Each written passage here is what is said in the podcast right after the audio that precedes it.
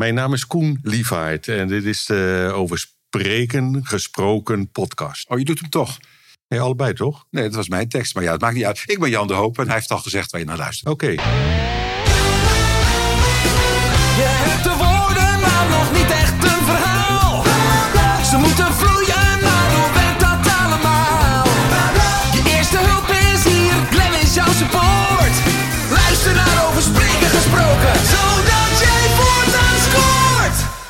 Dag lieve luisteraars, wat fijn dat jullie luisteren naar de Over Spreken Gesproken podcast, aflevering 73. Ik ben Glenn en samen maken we korte metten met plankenkoorts leren spreken met meer impact. Je hoorde het zojuist al in het bumpertje. Ik zit hier op de Veluwe eh, bij Koen Lievaart en Jan de Hoop. Jan de Hoop kende u wellicht wel, maar Jan is begonnen eh, bij de radio. eh, nog, nog een tijd terug als op een zeezender Radio Mi Amigo. Zeg ik dat goed, Jan? Ja, dat zeg je helemaal Ja, goed. zelfs nog daarvoor begonnen ooit in een ziekenhuis, heb ik me laten Ja, vertellen. De ziekenberoep de- ja. Moet je Denk kijken. zich ziekenhuis Rotterdam. Maar je, u kent Jan waarschijnlijk van eh, 31 jaar bij RTL Ontbijt Nieuws. Sterker, binnenkort 32 jaar. Binnenkort 32 jaar. Er komt geen eind aan. Er komt geen eind. Komt ge- maar misschien nog wel mooier, niet 32 jaar bij de eh, televisie, maar 41 jaar samen met Koen Lievaart. En Koen begon als elektrotechnicus, maar liet zich al snel omscholen tot psycholoog. Ja, dat klopt. Ik eh, ben op Jan afgestudeerd. Studieonderzoek. Zo flauw En, niet. en eh, ja, En Jans journalistieke achtergrond en Koens psychologische achtergrond vormen samen de, ja, de, een prachtige combinatie in de hoop en liefvaart communicatie. En samen geven jullie trainingen in presenteren, in media. En daar gaan we het vandaag eh, over hebben. We gaan het hebben over van presenteren zoals het hoort naar presenteren zoals je bent. Ja, ik wil niet heel vervelend doen, maar ik denk als je eerst zo dicht in dat microfoontje praat, in die condensatormicrofoon, dat dat gaat vervormen. Ja, dus dit, dit, dit soort. ja je, je hebt Ja, vakman te Als je maken. dat anderhalf uur lang dat doet, heb je daar een opname die niet... Ik zal het even checken. Ik, ik, zou, ik zal zo meteen met mijn nek naar achter eh, gaan. en, dan, en, en de audio. eh, Frank, als je dit hoort, Frank jongen, doe je best dat dit goed klinkt. Luisteraar, ik wens je heel veel luisterplezier toe. Jan, Koen, welkom in de podcast. Ja, Dankjewel, dankjewel. Ja, leuk dat je Ja. eh, naar ons toe bent gekomen. Ja, wat fantastisch om hier te zijn in Radio Kootwijk. Ja, in the middle of nowhere, hè? Ja, het is echt dichter bij het bos kun je niet zijn. Nee, deze zit in het bos. In het bos. Ja, En, En- aan de heide. ja. En in de Van voorbespreking. alle kanten op. Ik kan alle kanten op. En we hebben zojuist een voorbespreking gehad. Ook hoe, ja, hoe het huis is ontstaan als zodanig. En, nou, wat is ja. eh, heel bijzonder om, eh, om vanuit Rotterdam. ja. Dat was toch wel een hele andere plek om te wonen. Ja, zeker. Het, eh, ja, het is heel raar verlopen. Ons huis in Rotterdam werd verbouwd.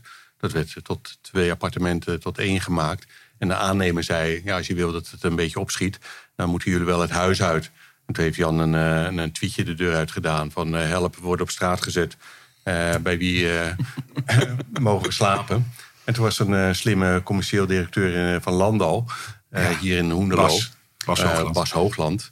En die, ja, die twitterde terug van, nou kom maar gauw naar ons. want we openen binnenkort onze nieuw gerenoveerde huisjes. En jij mag er één openen. Nou, dat was nog een eh, aardige deal. Ja. En toen kwamen we hier aan en toen werd ik overvallen door de weldaad van rust. Een weldaad die ik nooit eerder heb ervaren. En ehm, ja, om dan gelijk te gaan verhuizen, daar denk je dan niet aan als het huis in Rotterdam verbouwd wordt. Maar het zaadje was geplant. Ja. En we gingen hier wat vaker op vakantie. En op een gegeven moment eh, besloten we toch om eh, hier te gaan wonen. Ja, het was spannend, want er stond een, een houten huis hier. En, en het was een enorme zooi over de lage betonplaten. En er waren gevaarlijke honden en er was prikkeldraad. En uit, er waren uitkijktorens. Eh, en ik was alweer weg. Ik denk, met deze zooi wil ik hier niet wonen. En Koen die zag de mogelijkheden. Die zei, nou, als we het allemaal zouden kunnen slopen... en eh, zelf een huis erop zou kunnen zetten... en alles eh, kaal maken en dezelfde tuin bedenken... dan is het misschien wel een mooi plekje. En ik ben heel blij dat hij dat gedaan heeft. Want we wonen nu toch op een van de mooiste plekken van Nederland. Dat wil ik zeggen. Ja, Ja. zeker. Vind ik ook. En in de afgelopen jaren, maar ook al ver daarvoor, geven jullie dus samen eh, presentatietrainingen. Maar misschien voordat we die zakelijke kant belichten, de luisteraar heeft het in de introductie al eh, gehoord. eh, 41 jaar eh, relatie. Ge- getrouwd? Of Ja, ook Ja, getrouwd? twee keer. Twee keer zelfs getrouwd? Oh nee, één keer was er een samenlevings... eh, Ja, we hadden een samenlevingscontract. en, en, en je kon ehm, eh, eh, de hypotheek van het hoogste, ik moet, ik moet het goed zeggen, van het hoogste salaris aftrekken als we gingen trouwen. Daar was nog een verschil tussen samenwonen en trouwen. Dus zo hebben we dat gedaan. En Koen is helemaal niet van trouwen. En ik wel. Koetsjes, duiven. eh, Een hele, hele hebben- een strijkje in de tuin. Maar uiteindelijk werd het een... eh, Naaldhakken. Naaldhakken. Uiteindelijk werd het... Ik krijg nog meer last van mijn rug. Uiteindelijk werd het een eh, plastic bekertje koffie bij de deelgemeente... waar we een handtekening moesten zetten. Zelfs zo'n dinsdagochtend, weet je wel. Ja. Voor reductie kun je een handtekening zetten. Ja, ja, ja. Maar hoe hou je een, ene, een, een, een, een huwelijk, een relatie van 41 jaar? Wat, wat, is, het, eh, wat is het geheim volgens jullie? Eh, ja, door samen te gaan werken. Dan kom je elkaar echt tegen. Eh, er zijn eh, verschillende manieren. Je kunt samen op vakantie gaan, eh, samen op visite bij je schoonouders. Maar samenwerken, dat is toch wel een eh, uitdaging apart. Toen zijn we elkaar echt tegengekomen met de verschillen en de verantwoordelijkheid naar onze deelnemers toe. Ja. Eh, toen Nou, die we- voelen we allebei wel, hoor. De verantwoordelijkheid naar, naar de deelnemers. Ja, maar dat eh, eh, geeft toch een bepaalde urgentie. Ja. Om eh, als je daarin vastloopt of daar die dingen Ja. tegenkomt. of door de deelnemers ergens op aangesproken wordt. van wat eh, gebeurt er nu, was eh, hier aan de hand. Eh, dat we wel geleerd hebben om eh, ja, onszelf in de spiegel eens aan te kijken. En eh, elkaar, ons naar elkaar uit te, te spreken. Ja, we kunnen heel goed met elkaar praten en, en ook heel goed naar elkaar luisteren. Eh, en we gunnen elkaar, durf ik te beweren, het succes. Als Koen een hele slimme opmerking maakt bij de training... dan hoef ik niet een nog slimmere opmerking te maken. Dan eh, zit ik ernaast en denk ik, nou, dat doet hij goed. Maak jij wel een slimme opmerking? Eh, vrij zelden. Nee, en het, het gaat altijd om de deelnemers, het gaat nooit om ons. Nee. Eh, Want, die, die zijn belangrijk op zo'n dag. Die, moeten de- die betalen geld om hier wat te leren. En eh, ik, wij voelen allebei de verantwoordelijkheid om dat zo goed mogelijk te doen. En om die mensen ook echt wat te leren. ja. En wat leren jullie die mensen dan? Ja, eigenlijk niet zoveel. Eh, we leren ze vooral, eh, vooral veel dingen af. Ja, veel Dat, eh, minder. Ja, dat is eigenlijk ja, niets hoeven te doen om zichzelf al te zijn. Kijk, iedereen presenteert zich heel de dag door in het openbaar. Ja. En als ze hun mond open doen, dan presenteren ze in het openbaar. Daar zijn ze zich helemaal niet bewust van.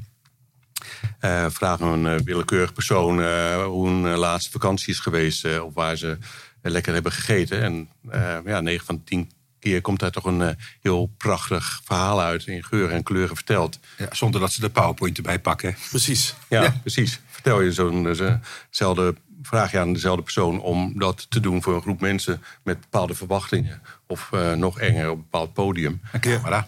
Ja, dan eh, slaat de verkramping toe. Gaan mensen nadenken eh, of ze wel voldoen, eh, of ze wel bijzonder genoeg zijn. Eh, of ze wel voldoen aan de verwachtingen van het publiek. Ja. ja, daarmee slaan ze eigenlijk al het leven dood wat in oorsprong in een eh, mooie presentatie zit. En dat is jammer en dat hoeft niet. En dat, eh, ja, dat laten we de mensen inzien en vooral ervaren. Ze gaan ook anders praten. Hè. Ze wonen niet meer in Rotterdam of in Radio Kootwijk, maar ze zijn woonachtig. Oh, Of ze werken niet ergens, maar ze zijn werkzaam. Gaan ook andere taal gebruiken. Omdat mensen denken, ik, ik ga presenteren. Nu moet er een laagje op. Hè. Ah, dus, dus het is woonachtig, werkzaam. Dat, dat is dan een soort, dat klinkt dan in, Ja. in hun hoofd beter ja, of zo. denken, ik, ik ga presenteren, er moet een laagje op. Terwijl wij juist vinden dat als je, als je zelf presenteert, dat dat veel beter is. En veel makkelijker ook. Ja. Nou ja, het gevaar is van eh, de gedachte eh, niet te voldoen, nog geen voldoende te hebben. En dat is ook een beetje het streven in het leven. Om vooral eh, een voldoende te krijgen, eh, goedkeuring te verwerven uit de omgeving. Ja, dan probeer je er toch iets meer van te maken dan wat er is. Want wat er is, dat voldoet nog niet. Nee. Dus je gaat iets meer van maken en dat maakt het gemaakt en daarmee geforceerd. En dat stoot eerder af dan dat je daarmee mensen aantrekt. Ja. Allemaal in het hoofd van die mensen. Hè, want het is natuurlijk helemaal niet zo, maar die denken dat. ja, dit is een soort zelfspraak, een soort een verhalenmachine die dan eh, afgaat. Wij, wij sturen ook formulieren waarin ze heel gedetailleerd moeten weergeven wat ze al gedaan hebben, wat ze verwachten, wat ze denken dat ze goed kunnen, wat ze denken dat ze niet goed kunnen. En wat we daar eigenlijk heel vaak in zien, is dat die mensen eh, denken dat ze niet goed genoeg zijn. eh, dat, dat ze het niet waard zijn om naar te luisteren. eh, Dat ze eh, vreselijke angsten hebben, buikpijn voordat ze moeten spreken, knikkende knieën, eh, niet slapen. Eh, en dan komen ze hier naartoe. En, en, en dan is de eerste presentatie, want ze moeten dan ook bij de eerste presentatie in de camera kijken, is heel, heel erg eng voor die mensen. Maar bij de tweede presentatie merk je al dat dat weggaat. En dat ze het op, aan het eind van de dag vinden ze het leuk om te presenteren. Dan is onze missie geslaagd. Maar dat is best wel, als het gaat over rendement, toch? Ik kom aan met enorme, hè, soms een soort doodsangst voor spreken. Ja. Eh, en, en ik ga weg. En ik vind, hè, dus eh, eh, ik manage het of ik vind het leuk. Zijn dan Nee, wij willen wel dat ze het leuk vinden. Precies. Dat managen, Ja. daar ben je weer aan het werk, hè? Ja, ja. Ja. Hoe, hoe, als, als, als we dan kijken naar jullie eigen ervaring eh, als communicatiepsycholoog, als, als, als, als, als presentator eh, voor de televisie. Dus als we dan een sprong in het verleden maken, hoe, hoe, hoe, hebben jullie, hoe zijn jullie zelf omgegaan met die nou ja, zelfspraak en, en on- onzekerheden waar je dan toch mee te dealen hebt? Heeft de record- de retorica gedaan. Ja, nou ja, ik, ik was het levend voorbeeld van iemand eh, die dacht niet, niets voor te stellen. En eh, ja, ik kreeg zelfs eh, het advies eh, op de universiteit zelfs nog... om eh, vooral niet iets met mensen te gaan doen op, eh, op het gebied van werk. Ik heb ooit eens een eh, formulier ingevuld, een, eh, een eh, angsttest. Oké. En daar scoorde ik eh, 96 op op een schaal van 100. 96 op de schaal van 100. Dat ging dan over sociale angst, hè, dus een contact met andere mensen. Ja. niet te kunnen functioneren. En dat deed ik ook niet. Maar dat was vooral het gevolg van allerlei gedachten te hebben van niet te deugen, niet te voldoen. En daarmee ja, vooral ontwijkend gedrag te vertonen. En hoe uitte zich dat, ontwijkend gedrag? Nou, niet onder de mensen te komen, me isoleren. En daarmee eigenlijk een bevestiging te krijgen, te houden. eh, Zie je wel. Niet in staat was eh, eh, om ja, op een prettige manier met con- mensen in contact te komen. Ja. Laat staan een eh, leuk verhaal te kunnen vertellen. Waar mensen bereid waren naar te luisteren. Laat staan andere mensen te trainen. Ja, dat, eh, Ja. dus we, we zijn in die zin, eh, Jan kan straks ook wel iets over zichzelf vertellen. We zijn wel het levend voorbeeld Ja. eh, van hoe het allemaal in ellendige zin heeft kunnen verlopen. Ja. Daar herkennen mensen zich in en door dat met onze deelnemers te delen, biedt het ook de veiligheid. Oh, ja, als Jan al zo'n achtergrond heeft en in staat is om op die manier iets te overwinnen, ja, dan zal het ons ook wel lukken. En juist omdat ze ja, met geen enkele voorbereiding merken op zo'n dag ja, een prachtig verhaal te kunnen vertellen. En ook te ervaren hoe leuk dat is. Want ja, het raakt wel een eh, universele wet. In de zin dat daar waar je vol van bent, ja, daar wil je mee naar buiten treden. Daar wil je aandacht voor vragen. Ja. En eh, ja, dat is eh, eigenlijk iets heel natuurlijks. En als je de ruimte voor laat, ruimte voor laat, en niets anders te doen dan dat ruimte te geven, dan gaat het eigenlijk al allemaal vanzelf, Ja. vanzelfsprekend. En, en, het, en het maakt wel in mensen los. hoor. We horen wel dat mensen die zo'n hele dag hier geweest zijn. en eh, de, de overtuiging hadden voordat ze hier kwamen. dat ze eigenlijk niks waard waren. En die dan op zo'n dag merken dat ze dat wel zijn. En dat ze ook goed kunnen presenteren. Dat die de, de auto aan de kant zetten en, onderweg gaan zitten huilen. Eh, van de emoties die ze eh, kennelijk altijd hebben weggestopt. Het zegt dus hoe, hoe diep dat zit. Hè? dus het ja. feit dat je dan je hoofd boven het maaiveld moet uitsteken... Ja. Of, of gewoon zichtbaar zijn. Ja. Eh, want meer is het niet. Nee. Maar dat, dat, dat raakt heel Ja. Ja. hele scherpe, onzekere Het zet heel kanten. veel in beweging, wat misschien eh, jarenlang, misschien wel een leven lang geparkeerd is. En dat geforceerd aan de zij- zijlijn gehouden. Ja.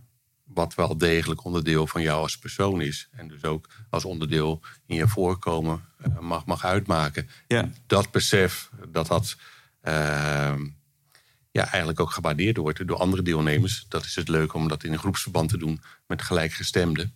Eh, elkaar te waarderen om wie je bent, om wie je mag zijn. En ook te ervaren ehm, dat je een persoon bent van belang waar anderen bereid zijn rekening mee te houden. Ja, dat, dat, dat, dat is zo'n verrijking eh, om dat op die- manier te gaan ervaren en in te zien. Dat, dat, eh, ja. En dat, ja, in het begin denken mensen dat we een grapje maken door aan te kondigen.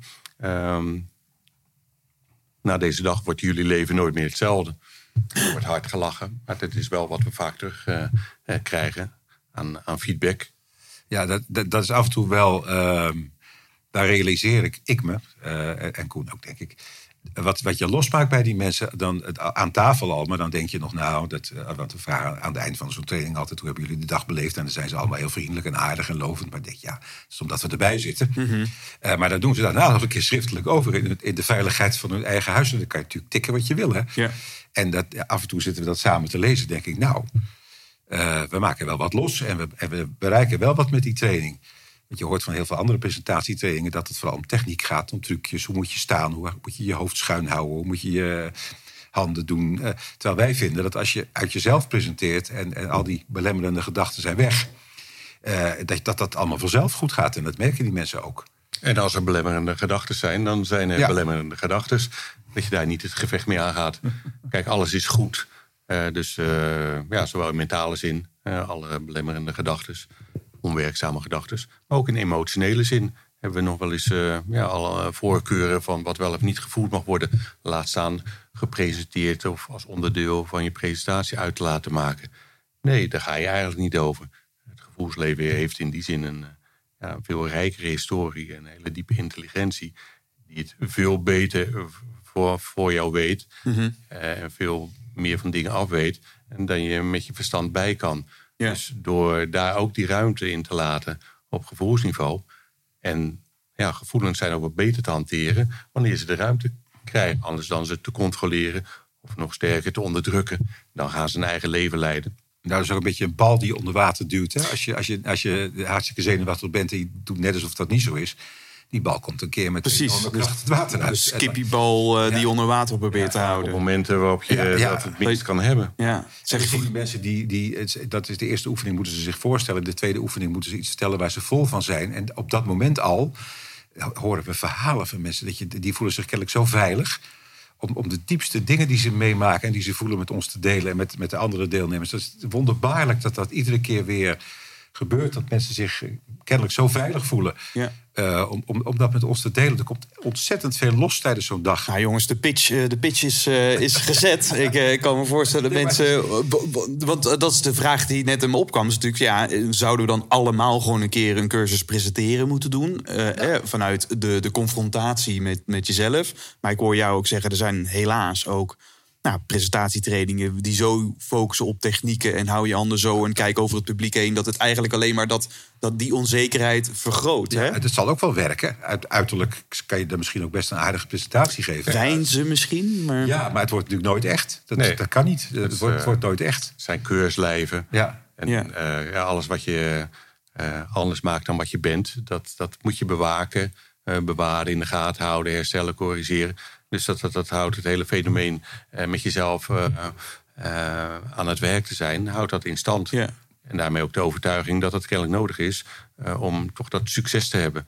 Terwijl wij ja, vooral de ervaring hebben dat het succes er vooral in zit. Door dat allemaal na te laten, hè, te laten gebeuren. En daarmee de veiligheid te bieden aan je publiek.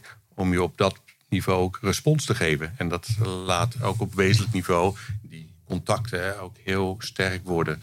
En dat is, ja, wat is er lekkerder dan eh, oprechte belangstelling van iemand te krijgen. Op een wat dieper niveau dan aan de oppervlakte elkaar maar een beetje voor de gek te houden. ja. Als je geen masker draagt, zegt Koen altijd, kan je ook niet ontmaskerd worden. Dat is wel handig. en je hebt jezelf altijd bij je. Ja. Eh, dus ja, eh, dat is eigenlijk... de, het aardigste dat mensen tegen mij kunnen zeggen op straat... is dat ik, als ze me tegenkomen... En eh, Jantje, om te beginnen, nooit meneer gelukkig. Eh, maar dat ik eh, precies hetzelfde ben als op de televisie. En dat was ook in het begin natuurlijk niet zo. Eh, maar, maar nu gelukkig wel. ja. Eh, want ja, als je niks ophoudt, dan... eh, kun je dus ook dat masker niet Nee, verliezen. Nee, nee. Er werd net al wel gehint, hè, ook op jouw achtergrond en ook de reis die jij hebt eh, doorgemaakt Ja. tot, tot, tot het punt voor de camera. Ja. Kun je daar wat meer over vertellen? Ik was een onzeker mannetje vroeger. Eh, mijn ene been was een centimeter korter dan de ander. Dus ik liep niet helemaal zoals de anderen. En ben een keer eh, op, op, op het lagere school door de gymleraar voor koe uitgemaakt. Huilend de klas uitgerend. Eh, en tot, tot een paar jaar geleden durfde ik eigenlijk nog steeds niet voor, langs volle terrasjes te lopen. Omdat ik dacht, ik loop gek. Eh, en dan word, ik natuurlijk ook door iedereen op dat terras nog herkend. Dus dat maakt het nog erger.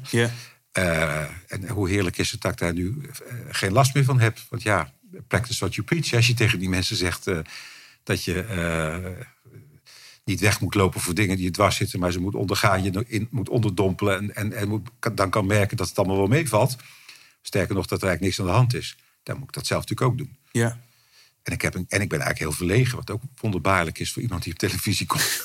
Daar in de, in de Hilversum wereld kom je volgens mij Ja. een hoop extra vette mensen tegen. Ja. Of, of is dat een illusie? Dat mensen misschien voor de camera dat heel erg zijn... maar achter Nou, de camera ja. misschien best wel onzeker. Dat, ik ken veel van mijn collega's daar niet. Degene die ik wel ken, zijn heel onzeker. Die, Ja. die, die presenteren op tv. Maar wij, wij zijn niet, we dompelen ons niet zo onder in die Gooise toestanden. Dus dat, weet- ik, ken, ze- ik ken wel heel veel mensen, maar niet echt zo goed dat ik dat weet. Dat, dat, eh, nee. En ik heb langzaam maar zeker geleerd dat, eh, het begin presenteerde ik ook, was het heel staccato op de televisie. En, en ja, ook heel erg zoals het hoorde. Een, jasje en een das. En, en dat, op een gegeven moment ben ik daarmee opgehouden. Ben ik gewoon een trui aan gaan doen. En eh, bij mezelf gedacht, met heel veel hulp van Koen. Want het is natuurlijk handig als je met een psycholoog samen bent. eh, en met hulp van mensen die daar werken. eh, kan mij het ook eigenlijk schelen. Ik doe gewoon wat ik denk, wat ik denk dat goed is. En die dat was dus de, een keuze waarvan jij zegt... ik voel me hier gewoon zelf comfortabel in. Omdat het ook gek is als je in de slaapkamer bij mensen binnenkomt... s ochtends in een, in een driedelig kostuum. Het licht gaat aan en daar kom ik op de televisie.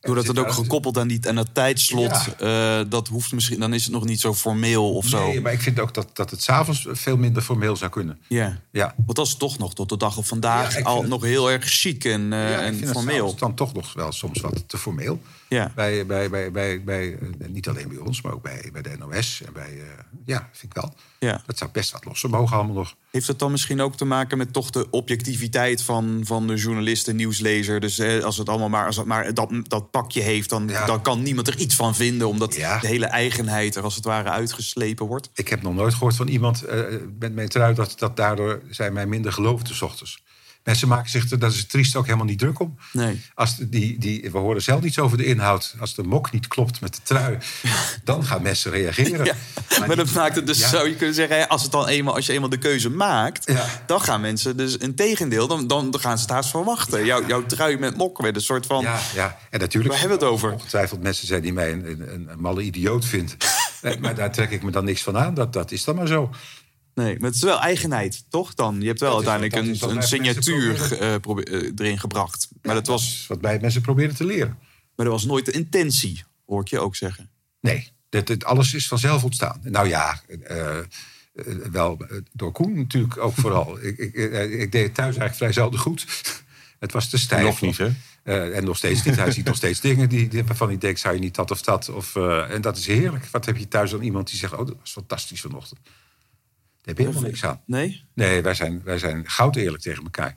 Oké, dus hoor je nog een tip, hè, jongens? 41 jaar eh, huwelijk. eh, hoe, doe- hoe doe je dat? Nou, goud eerlijk eh, zijn. Want, want ik kan me voorstellen, als ik iets doe en ik ben daar onzeker over... Nou, dan vindt het ego natuurlijk niets fijners dan dat dat gevleid wordt als ik thuis kom... En, en, en dat helemaal fantastisch gevonden wordt. Maar als hij nou kookt, hij kan heel goed koken, Koen. En, en, en, en ik roep bij alles dat ik het heerlijk vind. Dan weet, hij, toch- dan kan, weet hij toch nooit of het echt zo is. Ik zeg ook wel eens van, nou, dat is een beetje, eh, hij is tegenwoordig brood aan het bakken. Daar zou volgens mij een beetje meer zout in moeten. Of, of, want dan weet hij, als ik zeg dat ik het lekker vind, dat dat ook echt zo is. Ja. En ik vind dat dat ook respectloos is om het niet te doen. Als hij heel erg bezig is met koken en het, en, en het is niet lekker... en hij weet dat zelf ook wel, want hij kan heel goed proeven... en ik zeg dat is heerlijk, dat, is, dat vind ik ook respectloos. Ja. Is dat misschien niet ook een reden omdat we ons onzeker voelen om dan te presenteren op een natuurlijke manier? Omdat we ook gewend zijn meer sociaal wenselijk te doen naar elkaar. En dus ook nooit echt helemaal weet ja, of, het, of het echt goed is of niet. Ja, ik denk eh, dat eh, ja, het idee van eh, niet, niet goed genoeg te zijn, die overtuiging, dat dat voor, een, voor een deel in de basis ook klopt. Kijk, als je geboren wordt, dan ben je niet goed genoeg om op eigen benen te staan. Dan ben je afhankelijk van de zorg, de, de voeding, de liefde, de beschutting van je omgeving. Om überhaupt in leven te blijven en eh, ja, te kunnen groeien. Op een gegeven moment eh, ja, we op eigen benen staan. Maar dan nog worden we door de omgeving gevormd. En krijgen we alleen signalen eh, in de vorm van beloning en straf. Op tijd je mond houden, als we het over presenteren hebben. En de manier van, van spreken, wat je zegt, hoe je het zegt. Eh, op tijd je mond open doen, op tijd je mond eh, dicht te, te doen. Op tijd ergens aan te komen, op tijd weer ergens te vertrekken. En het gaat eigenlijk een, ja, een, een, eh, hele tijd zo door totdat je volwassen bent. Dus dan heb je eigenlijk al een hele leerschool achter de rug. Waarin je ja, toch geconditioneerd bent. Ja. Ehm, ja, je, je toch af te vragen eh, je af te meten aan de signalen van buiten of je wel voldoet, eh, of je er wel mag zijn. En dan is het heerlijk om te ervaren dat je als volwassene heel goed in staat bent om die balans te handhaven met voldoende aanpassing. eh, en daarnaast ja, toch die eigenheid te bewaren. En dat dat eh, ja, een hele mooie balans is die je wel kunt bedenken, maar dat kun je eigenlijk op gevoelsniveau heel goed aan, eh, aanvoelen. En zolang je op je gemak voelt, dan is dat prima. En als je je niet op je gemak voelt, is dat eigenlijk ook prima. Ja, dan hoef je dat ook niet eh, anders eh, voor te doen dan zoals je je voelt. Ja. Opgroeien eh, ontdekte ik natuurlijk op, op een bepaald moment dat ik op mannen viel. Homoseksueel was. Heb ik ook een hele tijd gedacht. als ze dat maar niet horen. Hmm. Aan mijn stem. Of als ze dat maar niet zien. Op de televisie bedoel je? of op de radio? Lang niet op de televisie en ook, ook niet op de radio. Oh, de- gewoon überhaupt? jong- toen ik nog jonger was. Ja. Ja, en hij, is- hij is een tijdje lang, toen we pas samen woonden. Wat was je, mijn neefje of de buurjongen? Wat was je? Ja, precies. Hij, hij was mijn neefje, maar bleek mijn nichtje. Dus, dus En dat was dan ook nog zo dat jij volgens mij 17 was en, en jij 25 Ja, toen jullie ja. eh, samen kwamen. Ja. Ja, dus, dus dat, dat was in het begin was dat, een- was dat een heel gedoe. En, en wat, hoe heerlijk is het eh, dat ik nu van de daken schreeuw dat Koen mijn man is. En dat ik daar hartstikke trots op ben. En dat, ik daar, dat wij daar andere mensen weer mee helpen. Die zien dat je een heel normaal, liefdevol leven kan leiden. Als twee mannen of twee vrouwen of wat dan ook van de A tot Z gemeenschap die we tegenwoordig hebben. Het Ja. is... eh, dat, dat, dat vind ik ook trouwens. Dat is een zijweg. Ook, ook al, die, al die hokjes, de, de A tot Z gemeenschap. Het zijn gewoon mensen die op hun manier willen leven. Laten we ze dat gunnen. Waarom moet alles in een hokje? Ja. Vaak toch wel volgens mij aangegeven door de personen zelf. Ja. Van, er bestaat nog geen hokje voor mij. Dus Dat- ik zou het wel ik- ik fijn wou vinden als dat, eigen als dat er is. Ja. Eh, Ja. Terwijl dat, dat juist misschien het systeem waar je uit wil in stand houdt. Ik, ik gun iedereen zijn, zijn leven op, op de manier waarop hij of zij dat wil. En of je dan op mannen valt of op vrouwen, of je weet het niet, of ertussenin, of wat, wat, wat maakt het uit? Ja. Uit het hokje, uit de kast. Ja, precies. Ja, precies. Ja, want hoe, hoe was het voor jou? Dus 40 jaar geleden, misschien ook wel een iets andere tijd dan nu, maar dat weet ik niet. Eh, eh, in, in dus de, de openheid waarin, je, waarin, waarin de acceptatienorm Ja. toch nog wat lager was. Wat ons onze relatie eh, zo boeiend houdt, is dat we wat dat betreft twee totaal, bijna totaal verschillende persoonlijkheden zijn. Ja. Met verschillende achtergronden. Daar waar ze binnen mijn gezin stonden te juichen toen ik vertelde dat ik eh, homo eh, ben. ehm, werd Jan erop eh, op aangesproken in, in afgewezen. Ja. Dus dat, was ook nog wel een groot verschil. Beide families gingen er totaal anders mee om. ja. Nou, de familie stak net alsof iedereen dat deed. Gezin. Ook niet zelfs. Mijn moeder was heel erg teleurgesteld. oké. En, en die heb wel huilend op bed gelegen dat ik afgewezen werd. En die heeft er de rest van haar leven spijt van gehad. Dat, haar reactie. Ja, ja, want, eh, de- ja als je Koen eenmaal leert kennen, dan... Ja. Daar is lastig weerstand aan te bieden. Eh, dus e- eigenlijk, eh, als wij, als wij wel eens waar ze bij waren eh, zaten te kibbelen... dan had bij mijn moeder Koen altijd gelijk. Die is zijn hele leven verder bezig geweest om het goed te maken. Dat ook wel weer. Eh, en mijn vader en mijn broer en mijn oma, die vonden het allemaal prima. Die laat, laat Jan gelukkig worden en... ja. Ja, nou ja, wat we dan terugzien eh, in onze presentatietrainingen. Daar waar, want daar verschillen we natuurlijk ook in. Hè, qua inzicht, qua aanpak, qua presentatie als, als trainer. Dat daar waar Jan toch de achtergrond heeft van... ja, doe maar gewoon, eh, laat niet om je lachen... kon het bij ons in het gezin niet gek genoeg zijn. Eh, dat was een voorwaarde om gewaardeerd te worden. Als het maar anders is, dus dat stimuleer ik ook vooral bij de deelnemers. hun anders zijn en niet op een geforceerde manier. Dat maar daar waar ze in afwijken, durf daarin af te wijken. Je bent anders, je bent origineel in die zin. Ja. Dus eh, ga je niet kopiëren, er wordt geen, geen kopie van iemand anders. En Jan is in die zin heel eh, ja, wat praktischer. Dat moet wel wel iets opleveren. En, eh, Nou, ik zeg wel ook tegen mensen die, die dan eh, nieuwslezer willen worden. Ik wil zijn zoals jij. Zeg, ben jij gek? Dat moet helemaal Dat is niet. helemaal niet de bedoeling. Dat is niet de bedoeling. Je moet jezelf zijn. Ja. Je, je moet geen kopie van iemand anders worden. Want eh, ja, dat, wat hebben we daaraan? Ja. Zorg als je, da- als je dat vaak wil doen, dat je dat op je eigen manier doet. Met je eigen eh, ja, manier, van, manier, manier van doen. Ik, ik zie te- veel mensen die op elkaar lijken op de televisie. Die, die, die, die het nieuws doen. En ja, ik, ik ben, wij zijn meer voor dat het uit jezelf moet komen. Je eigen persoonlijkheid. Philip Freriks mocht dan wat, misschien wat vaker zich verspreken. Maar was wel een persoon, is wel een persoonlijkheid Ja. die het, eh, die, die, die het eh, nieuws presenteert. En dat zie ik graag. Joop van Zijl, mijn grote voorbeeld, was, was het nieuws altijd aan het vertellen. In plaats van aan het lezen. Dat was een van de eerste die dat deed. En dat vond ik, heb ik hem ook wel eens zelf gezegd. Dat, eh, dat vond ik, vind ik echt fantastisch. Dat was mijn voorbeeld. Zo moet het. en waar zit het verschil dan in? eh, lezen of, of vertellen? Nou ja, ik praat ook eh, eh, om, om de autocue heen altijd een beetje. Daar zokken ze van in het begin. staat degene die, dat- die staat te draaien en denkt, waar, waar, Ja, moeten we heen? Nu weten ze wel, het komt wel weer goed. Maar ik, ik- ja, als je letterlijk voorleest wat er staat, wat ook soms wel moet, als het, als het heel precies eh, luistert. Wil je ook wat water, Jan? De informatie. eh, nee, nee, ik, ik, ik ga nog goed. Ehm, dan, Je hebt ook eh, nog, toch? We zijn even aan- de ravitaillering bezig tussendoor. Ja, ja, ja zeker. Ga, ga door. Excuus. Nee, dat geeft niks. Alleen weet ik niet meer. Dat krijg je als je 66 had. Eh, door het te vertellen. Oh, ja, ja, Het ja. verschil. Ja, dat, dat je, dat je, als je het nieuws leest, pakken mensen dat minder, denk ik.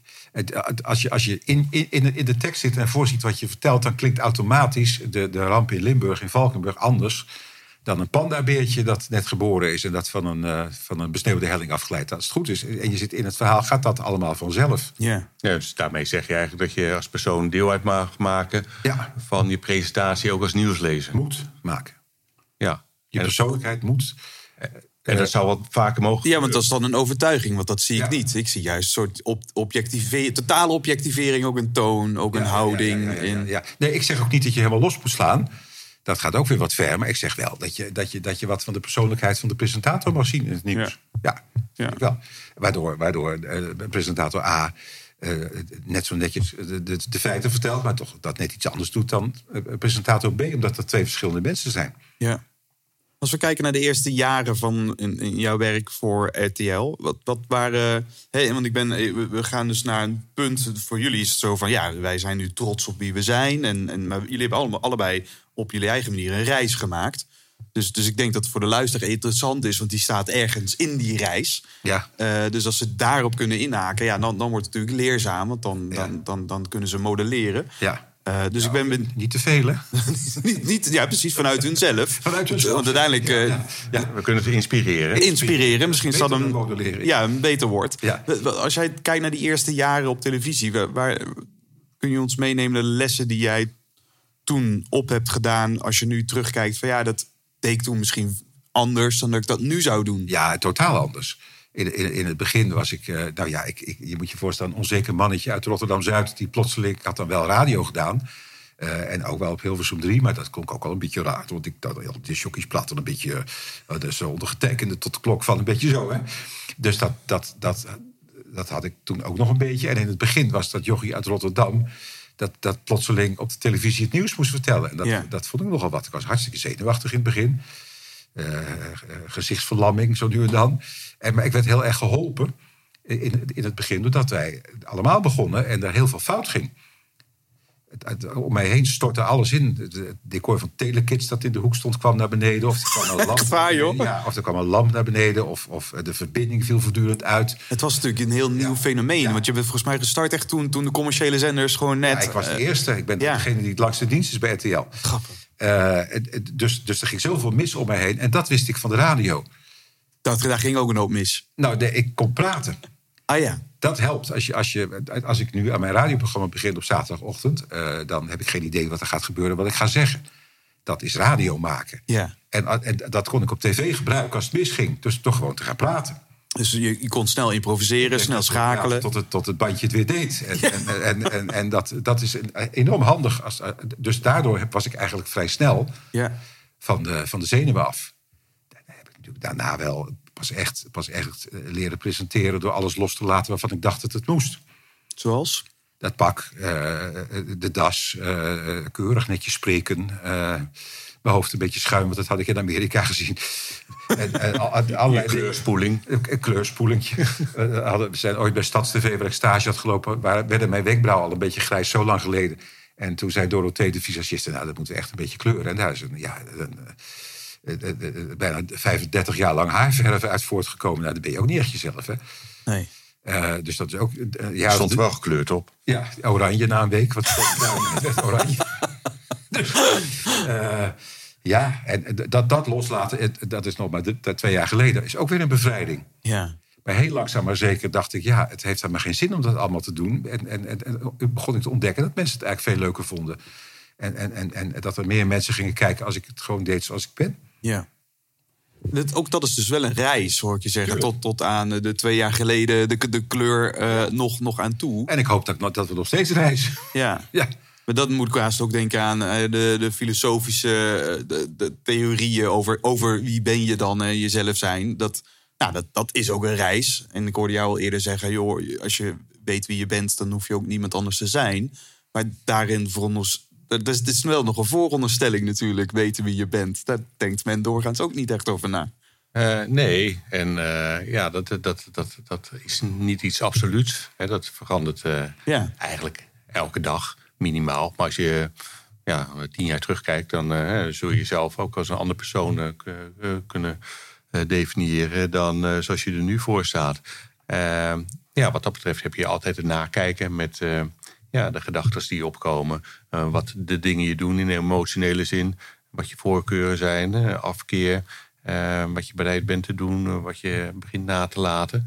Ja, dat is een levenslang proces waarin je gelukkig nooit een zekerheid kunt krijgen. En dus altijd kwetsbaar blijft en afhankelijk van omstandigheden. En dat is het leuke, want wij krijgen in voorbereiding van mensen nog wel eens het verzoek om wat, wat zekerder in het leven te, te, te staan. Eh, wat, wat minder kwetsbaar, wat onafhankelijker eh, in het leven te staan of op het podium. Nou, dat ontnemen de mensen eigenlijk direct eh, uit handen. Dat is een illusie. We aangeven, ja, het leven is onzeker, je blijft kwetsbaar en ten alle tijde afhankelijk van omstandigheden. Ja. En dat is wel zo leuk, want ja, stel je nou eens voor dat alles van tevoren al vaststaat, dat je overal zeker van zou kunnen zijn. Ja, dan zou je geen voetbalwedstrijd meer kunnen kijken. Lees je geen boek, kijk je geen programma. Dan houdt deze podcast ook op, want dan weet je precies eh, wat jij gaat vragen, wat ik ga zeggen. Dat is niet leuk. Ja. Dan is het een leven wat misschien al heeft plaatsgevonden, eh, waardoor je in herhaling valt. Nee, het leven is eigenlijk continu een verrassing. Alleen vraagt het wel om je daaraan over te durven geven. En de bereidheid om je te laten raken op de manier zoals het je raakt. En dat leidt nog wel eens tot verrassingen, maar ook tot teleurstellingen, frustraties. Maar dat zijn ook onderdelen van het leven. Zelfs tijdens de trainingen ben ik soms gefrustreerd om wat ik hoor. Of schrik ik ergens van. Nou, ik ben wel bereid om dat met de deelnemers te delen. Of Ja. onderling met Jan is er ook wel eens wat vrevel. De laatste tijd wat minder, omdat we elkaar daar direct op aanspreken of eh, ons daarin uitspreken. Dat is het eigenlijk. Aanspreken is eigenlijk hè, de verantwoording bij de ander leggen. Maar als ik me teleurgesteld voel, of erg van schrik eh, of iets anders verwacht, ja, dan eh, spreek ik me daarin uit. Ja. En dan is dat wel het voorbeeld naar de deelnemers om zich in die veiligheid ook te mogen uitspreken. En dat is voor heel veel mensen toch iets nieuws, wat ze wel mee naar huis nemen. En door de onzekerheid was ik vaak eh, bij dit soort dingen bijvoorbeeld aan het woord voortdurend. En, en Koen zat er dan bij. En die zei ook af en toe zijn zinnetje. Yeah. En dat was, dat was niet, niet omdat ik hem zijn podium niet gunde. Maar gewoon uit onzekerheid. Dat ik dacht, ja, als ik maar blijf praten. Dan, uh, alles dicht, hè? Timmy alles dicht. En, eh, en, en, en eh, het is een periode, nu gaat dat vanzelf inmiddels. Maar dat ik dus heel bewust daarmee bezig was. Op mijn werk zeiden ze ook wel eens, ja... Er was iemand iets aan het vertellen en dan zei ze... ja, binnen, binnen één minuut gaat het weer over jou. En dat was niet omdat ik geen interesse voor die mensen had... Maar uit een, ja, een raar soort onzekerheid. Ja. En, en, en eh, sinds ik dat weet, dat is al een tijdje... eh, ben ik daar extreem veel rekening mee gaan houden. Want dat wil ik helemaal niet. Ja. En, en nu gaat het inmiddels vanzelf, gelukkig. En wat heb je ervoor teruggekregen? Nou ja, dat mensen, mensen mij, eh, hun hart nog meer bij mij uitstorten. Als dat, als dat ze al deden. Je hoort nog eens wat. Je hoort toch eens wat. In het ergste geval leer je iets. Ja. Ja.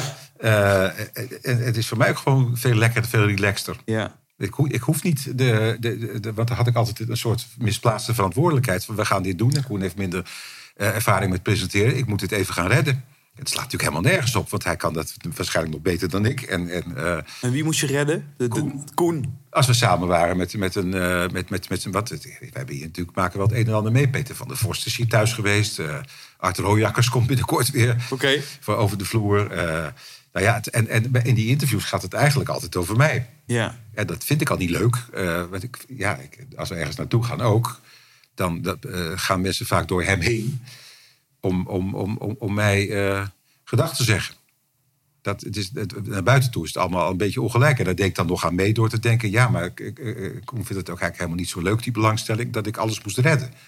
Zonder dat met Koen te vra- aan Koen te vragen, met hem te overleggen. Een Wat soort hij, reddersyndroom. ja, wat Ja, hij dus dan een- vindt, wat hij dan leuk vindt. Ja. Een soort eh, compensatie, Ja. eh, drift om iets goed te maken eh, wat Het- niet in de basis Het, je ziet dan hoe, eigenlijk hoe ingewikkeld het dan wordt. Ja, Hè? Met, ja. met, met, met aannames. En, en ook dat je zegt van. Eh, eh, vanuit onzekerheid ga ik maar praten. Want dan, Ja. gaat, dan ben, heb ik het gevoel van controle wellicht. Ja, Hè, eh, dan kan ik het sturen. Terwijl dat voor de ander zou misschien, weet ik niet, maar ik herken het bij mezelf, het praat Ja. dat iemand anders denkt van, jezus man, eh, een halve narcist eh, kan alleen maar over zichzelf hebben. Ja, ja. Dus eigenlijk het, het precies waar ik bang voor ben, eh, Dat gebeurt dan. vergroot ik uit. Terwijl als je dat dan loslaat, dan creëer je juist het effect wat je juist wilt. Namelijk een verbinding. eh, eh, dat je het fijn hebt met elkaar. Ja, en ik merk nu dat als ik aan het woord ben geweest, dat ik, dat ik, dat is me nu al een paar keer opgevallen, dat ik dan klaar ben met een heel stuk vertellen. En dat jij een vraag stelt en dat ik dan mijn mond hou en naar Koen kijk. dus dat, dat zit er nog steeds in, dat, dat, dat mechanisme van nee, nu hij.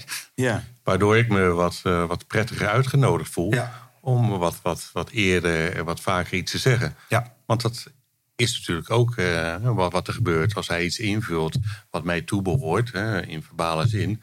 Ja, dan eh, ben ik bereid, of mogelijk ook gedwongen, wat, wat vaker mijn mond te houden. Terwijl mijn uitdaging zat vooral meer eh, op de voorgrond te treden en wat meer ruimte in te nemen.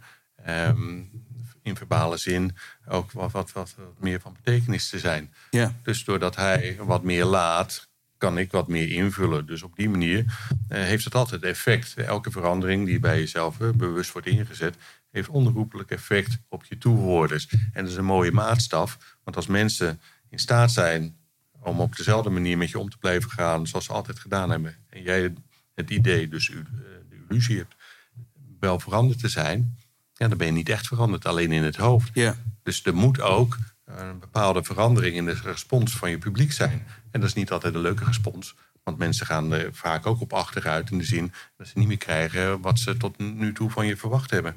Dus dat kan al eens eh, wat weerstand oproepen. En afhankelijk kunnen ze nog eens proberen je te bewegen, eh, te krijgen daar hè, waar je juist eh, vandaan wilt komen. ja. Dus groei, ja, oei, ik groei, hè, dat is een boekje. Maar, maar dat gaat altijd gepaard met, met, met schuren, met, met, met, met pijn. En pijn, ja, dat is ook een onderdeel van onze training. Dat, dat ook daar eh, mag je ruimte aan geven. Ja. Niet zo pijnlijk om net te doen of er geen pijn is. Of pijn te onderdrukken. ja. Ja, Nee, of, dat is pas pijnlijk. ja, of als het misgaat, hè, hebben mensen ook, ook vaak dat ze net doen alsof er niks misgaat. Daar heb ik enige ervaring in, dingen die misgaan. Eh, heel YouTube staat er vol mee met uh, bloepers. Eh, wij leren mensen ook dat, dat omarm dat. ja. En, en, en- Dingen gaan hoogstens anders dan Ja. bedoeld, zeggen we dan. Zeker. Dat is leuk. Ja. Ja, maar dat is wel, ja, dan moet je wel heel actief tegen jezelf zeggen. Ja, oh, ik de leuk. zenuwen afgekomen aan het begin van, eh, van, van, van, het, van het televisienieuws. Doordat alles misging. Ja, Mooie kan je niet hebben. ja, en dan heb ik zo meteen weer nog wel een haakje over dat improviseren. Dat vind ik ook nog wel eh, interessant. Ja. Eh, maar, maar, maar ik, ik haak nog aan op wat, eh, wat jij net vertelde. Ehm, gekoppeld aan, aan, aan sowieso wat ik mooi vond, is aanspreken of uitspreken. Die, die neem ik even mee. Eh, het is, dat, dat is een nuanceverschil, maar wel een hele andere intentie. Ja, Of je iemand aanspreekt of ik spreek het uit, blijft bij mezelf. Blijf je dus ook verantwoordelijk. Ja. Dus dat vind ik een mooie. Ehm, het ging net over ruimte pakken of ruimte geven, ruimte nemen. Hè, en de balans daartussen, dat herkennen mensen in ieder gesprek die je voert. Of het nu een huwelijk is of op het werk. eh, in een gesprek tot je manager of eh, tot je collega, waar dan ook. Ja. Ehm, en ik kan, me nog, ik kan me dan wel voorstellen daarin waar je tijdens een psychologische test eh, in een 90 scoorde op 100, eh, als het gaat over eh, sociale angst, dat, dat dat haast jouw instinctieve rol als redder, dat dat eigenlijk misschien in den beginnen heel erg rijmde. Iemand Ja. die meer outgoing was, nou dan blijf jij mooi prima in de schaduw, laat mij maar lekker daar zitten. Ja, en ik mij eh, mijn slachtoffer kon, kon blijven voelen. Nou ja, we hebben één keer meegemaakt dat we naar een. eh, dat, dat illustreert het eigenlijk het beste. Dat we naar een, naar een eh, winterpresentatie gingen. Dat doen we eigenlijk nooit. Een Ja, winterpresentatie. van de RTL-programma. Oké. En toen zei ze, kom nou maar, dat is leuk. En, en de- mijn Koen ging mee. En dan staan, dan staan er allemaal fotografen voor de deur... die Ja. stokplaatjes van ons willen nemen. En er kwam een fotograaf op Koen af. Ja, en die zei, eh, hoort u bij hem? Dus wees hij naar Jan. Of bent u zelf ook iemand? Nou ja, dat is een beetje... Jeetje, een beetje- Mina. Ik heb het altijd erg leuk gevonden. Dat was voor mij tegelijkertijd, want ja, zover was ik inmiddels wel. eh, dat ik ja, zo weinig affiniteit had met zo'n eh, zo'n wereld waar per definitie van alles wordt opgehouden. Ja, Eh, dat ik me op die manier wel gekend voelde van oké, en dan ben ik liever niet iemand, niemand in die zin. Dus ja, maar het is een leuke anekdote om eh, ook tijdens trainingen te kunnen vertellen. Ja. de perceptie die mensen dan hebben. Maar hoe, hoe heb jij dan in die reis van eh, nou, liefste niet zichtbaar naar zichtbaar? Wat, wat zijn, hè, we horen net al een paar lessen die, die Jan heeft geleerd in de, in de tv-wereld. Maar, maar wat voor transitie heb jij gemaakt? Wat, zijn, wat, wat kun je ons meenemen in een paar stappen daarin? Ja, eigenlijk heel basaal, hè, door zichtbaar te worden in, in fysieke zin. Dus letterlijk eh, bij anderen onder ogen te komen. Ja. En nou, dat vond ik afhankelijk al heel erg eh, eh, eng. En ehm, nou, dat te verduren, zoals we dat in de psychologie eh, noemen. En de, de angst daarin eh, om mee te nemen en te laten zijn voor wat het is. En de ervaring te krijgen dat je niet opgegeten wordt. Ja, Zo primitief is het dan in het begin? Ja, inderdaad. ehm. en ehm, ja, als het eh, gaat over het presenteren, dus eh, iets ook te vertellen. Dat, ja, het was voor mij een openbaring dat mensen bereid waren überhaupt om aandacht aan mij te besteden. Ehm, me dus aan te kijken, maar ook bereid, bereid waren om me aan het woord te laten, me de ruimte te geven, eh, me het woord te geven. En ook in staat waren, in bereid waren ehm, om nou, oprecht belangstellend te zijn. En dan komen we bij een punt dat dat iets eh, deed op gevoelsniveau met mij. De aandacht, dat heeft iets voedends. Dat, dat, eh, dat liet me vervuld raken. dat, dat liet me ook in eh, geestelijke zin groeien. En eh, ja, dat smaakte eigenlijk naar meer. En ja, daarmee kun je zeggen, om een grote stap te maken. Ja, dat, dat, dat, dat, wil, dat gun ik anderen ook. Dat wilde, daar wilde ik mee naar anderen toe. Daar wilde ik mee de wereld intrekken. Ja. Dus dat, dat was, en dat is nog steeds mijn motivatie eh, als ervaringsdeskundige. En ik, eh, nou, daar waar Jan nou, vooral, nou, vooral dingen doorziet, eh, voel ik vooral dingen aan. Een fundamenteel verschil tussen ons is, Jan hoort letterlijk alles wat er gezegd wordt. Heel erg op inhoud. Ik per definitie niet. Ik hoor eigenlijk nooit wat er gezegd wordt Ja. eh, zie ik tegenwoordig wel als een kwaliteit. Want alles wat er niet gebeurt, eh, laat ruimte voor wat er wel gebeurt. Wat bij mij wel gebeurt, is dat ik dingen aanvoel. Ja. Ik voel bij mensen heel goed aan of er iets wordt opgehouden. Of er eh, op, soms op minuscuul niveau een transformatie plaatsvindt. Wat de voorkeur geeft. Zoals ik aan jou het voorbeeld gaf. Ik heb eh, iets van jou teruggezien hè, voordat jij hier kwam in gesprek met, eh, met Patrick. Eh, na het eerste kwartier eh, heb ik jou op een bepaalde manier leren kennen. Totdat het omslag plaatsvond rond een voorval. Waarin de emoties wat voorrang kregen. En dat liet jou op heel veel niveaus transformeren. In expressie, in mildheid, in, in het verlagen van spreektempo. In een woordgebruik, maar ook een ja, bijna octaaf lager spreken. Je, je, je als het ware op dat moment. Hè? body. Welke Patrick was dat eigenlijk? Patrick Kikker. Oh, kijk, ja. Dus ja, dat, dat, dat vind ik heerlijk om mee te maken. En nou, als mensen daarom vragen, als mensen daarvoor hier komen, eh, dat ik het heel leuk vind om eh, mensen eh, dat, dat mee te geven.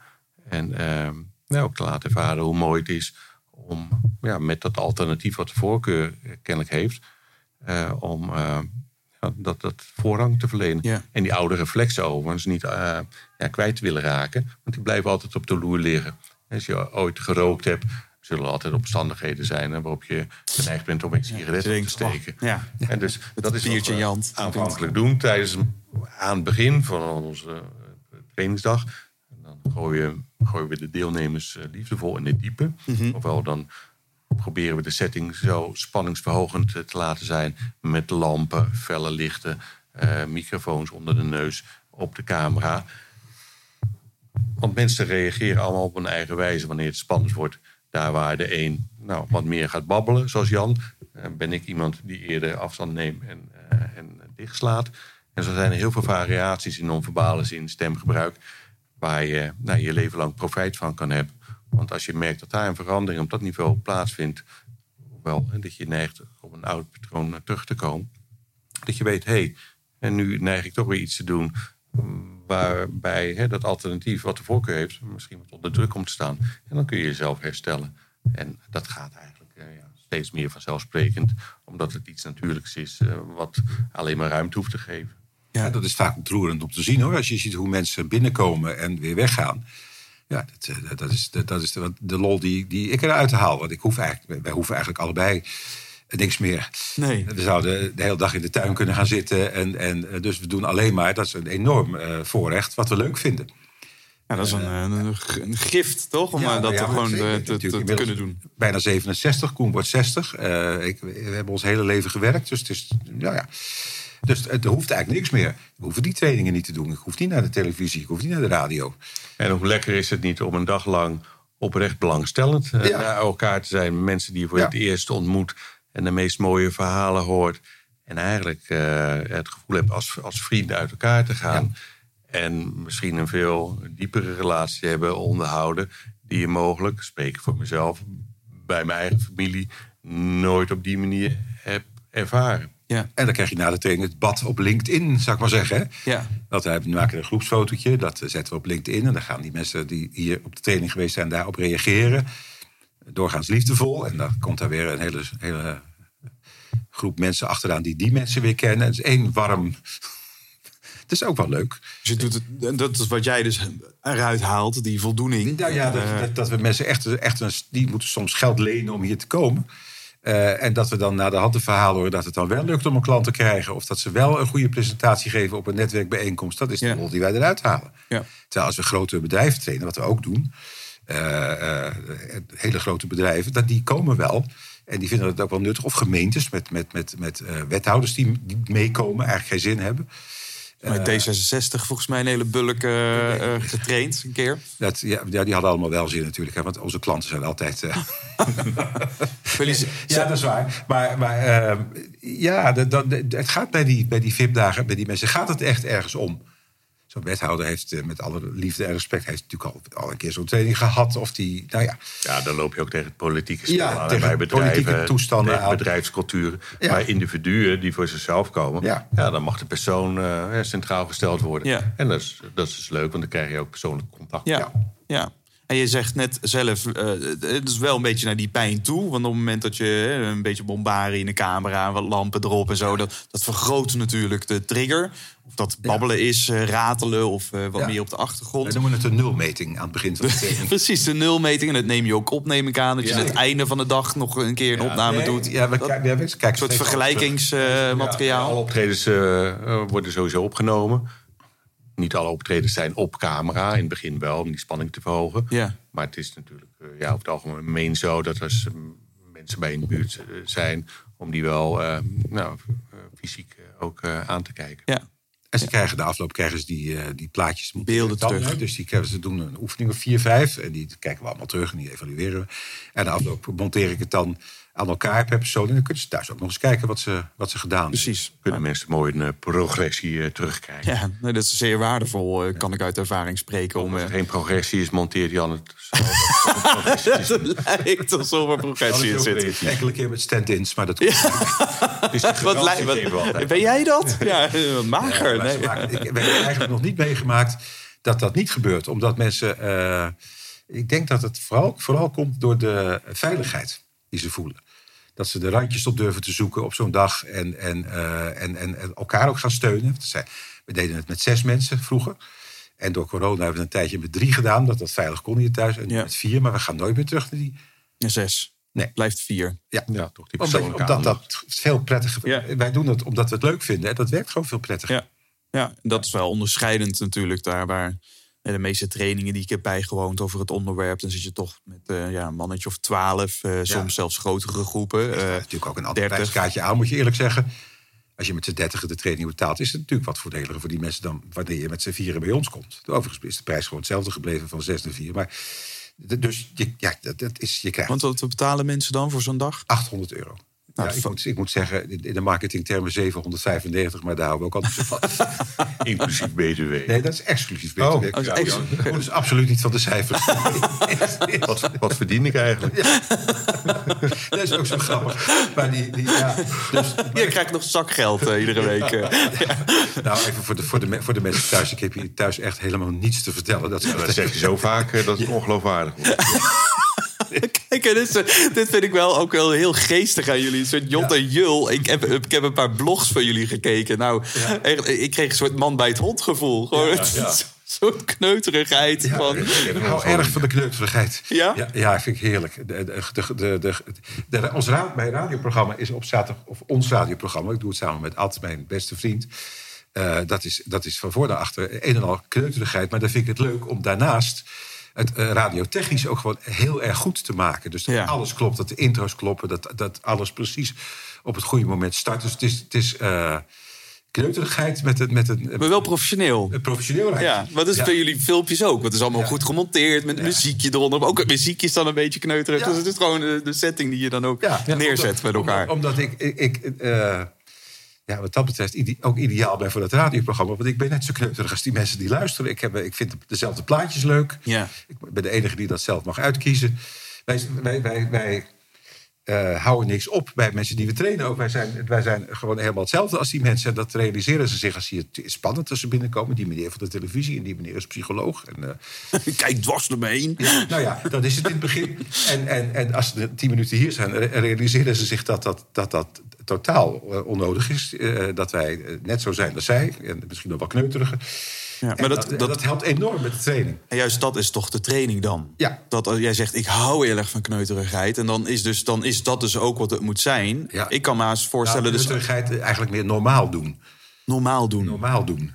Dat is daar niks ophouden. Nee. Dat is eigenlijk kneuterig is misschien een beetje, een beetje negatief. Niks ophouden, toch? Ja, en dat te laten zijn wat, wat, wat, zich aandient. Ja. En ja, dat is altijd weer anders. Ook tussen ons. Ja, er zijn natuurlijk wel eh, dingen die, eh, eh, die ons eigen zijn. Alleen ja, tijdens zo'n trainingsdag weten we ook niet hoe het loopt. Ja. En eh, ja, dat, dat maakt het weer heel erg leuk. Juist omdat die mensen allemaal met hun verschillende achtergronden toch voor het eerst bij elkaar komen. En je dan toch in, ja, eigenlijk na een uur al ja, het gevoel hebt eh, eh, nooit met iemand anders om te zijn gaan als met elkaar. Juist om met die openheid en niks wordt opgehouden. Dus ja, eh, en dat biedt al die veiligheid. Je moet het natuurlijk hetzelfde doen. Hè? De een, die- het heeft weinig zin om de een die voor de eerst achter die camera staat uit te lachen. Want je weet, eh, over vijf minuten ben ik ook aan de beurt. Hè? Precies. Nou, zoals Dus dat gaat in de training een natuurlijk. samenhorigheid door dat mensen elkaar gaan helpen. En heel echt nog steeds verbazingwekkend open zijn. En kwetsbaar zijn met de verhalen die ze voor die camera vertellen. Dat ik af en toe denk, nou, dat, in een vreemde omgeving. eh, knap hoor, het vind ik echt, eh, echt mooi om te Wat zien. geven zij terug als een van de eh, fijnste oefeningen? Als je kijkt naar zo'n dag, je hebt een dag ingedeeld. Jullie gaan van de ene oefening naar de andere, stel ik voor. Je hebt een programma. Of is dat helemaal open? Voelen jullie dat aan- op de dag aan, hoe, hoe- wat, wat je precies doet? Nou, wel, we hebben een eh, drietal eh, ja, fundamenten waarop wij vinden dat een presentatie eh, eh, op, op neerkomt. Noem het de drie ingrediënten. Wij noemen het de drie geheimen. Dus, Oké. eh, om het wat extra spannend te maken. Een van de geheimen is dat ehm, wat je ook presenteert, hoe zakelijk ook, je er als perso- persoon altijd deel van uitmaakt. Dus ook deel vanuit mag maten, maken. En dat is voor heel veel mensen nog wel eens nieuw, omdat ze nog wel eens denken: nou, een zakelijke presentatie, daar als persoon bij buiten schot te kunnen blijven. Wat heb je er zelf mee? Daar komt het eigenlijk op neer. Ja. met wat je Ja. vertelt. Voel, ik enige vorm van passie voor, voor het onderwerp? Ja. Dat is dan het onderzoek. Ja. Eh, nou ja, Of afschuw, of- of, maar- of, Maar het maakt niet uit wat het is dan. Maar, weerzin. Hè? Dat Ja. is ook een vorm van betrokkenheid. Ja. Ehm, ja, we merken, we maken nog eh, te vaak woordvoerders mee die het woord voeren rond zaken waar ze zelf weinig of niets mee hebben. Ja. En dan ook nog verbaasd durven te zijn en dat hun boodschap niet overkomt. Ja, het heeft alles te maken met die emotionele lading die eraan ontbreekt, die je als persoon daar eh, alleen maar in mee kan geven door daar als persoon deel van uit te maken.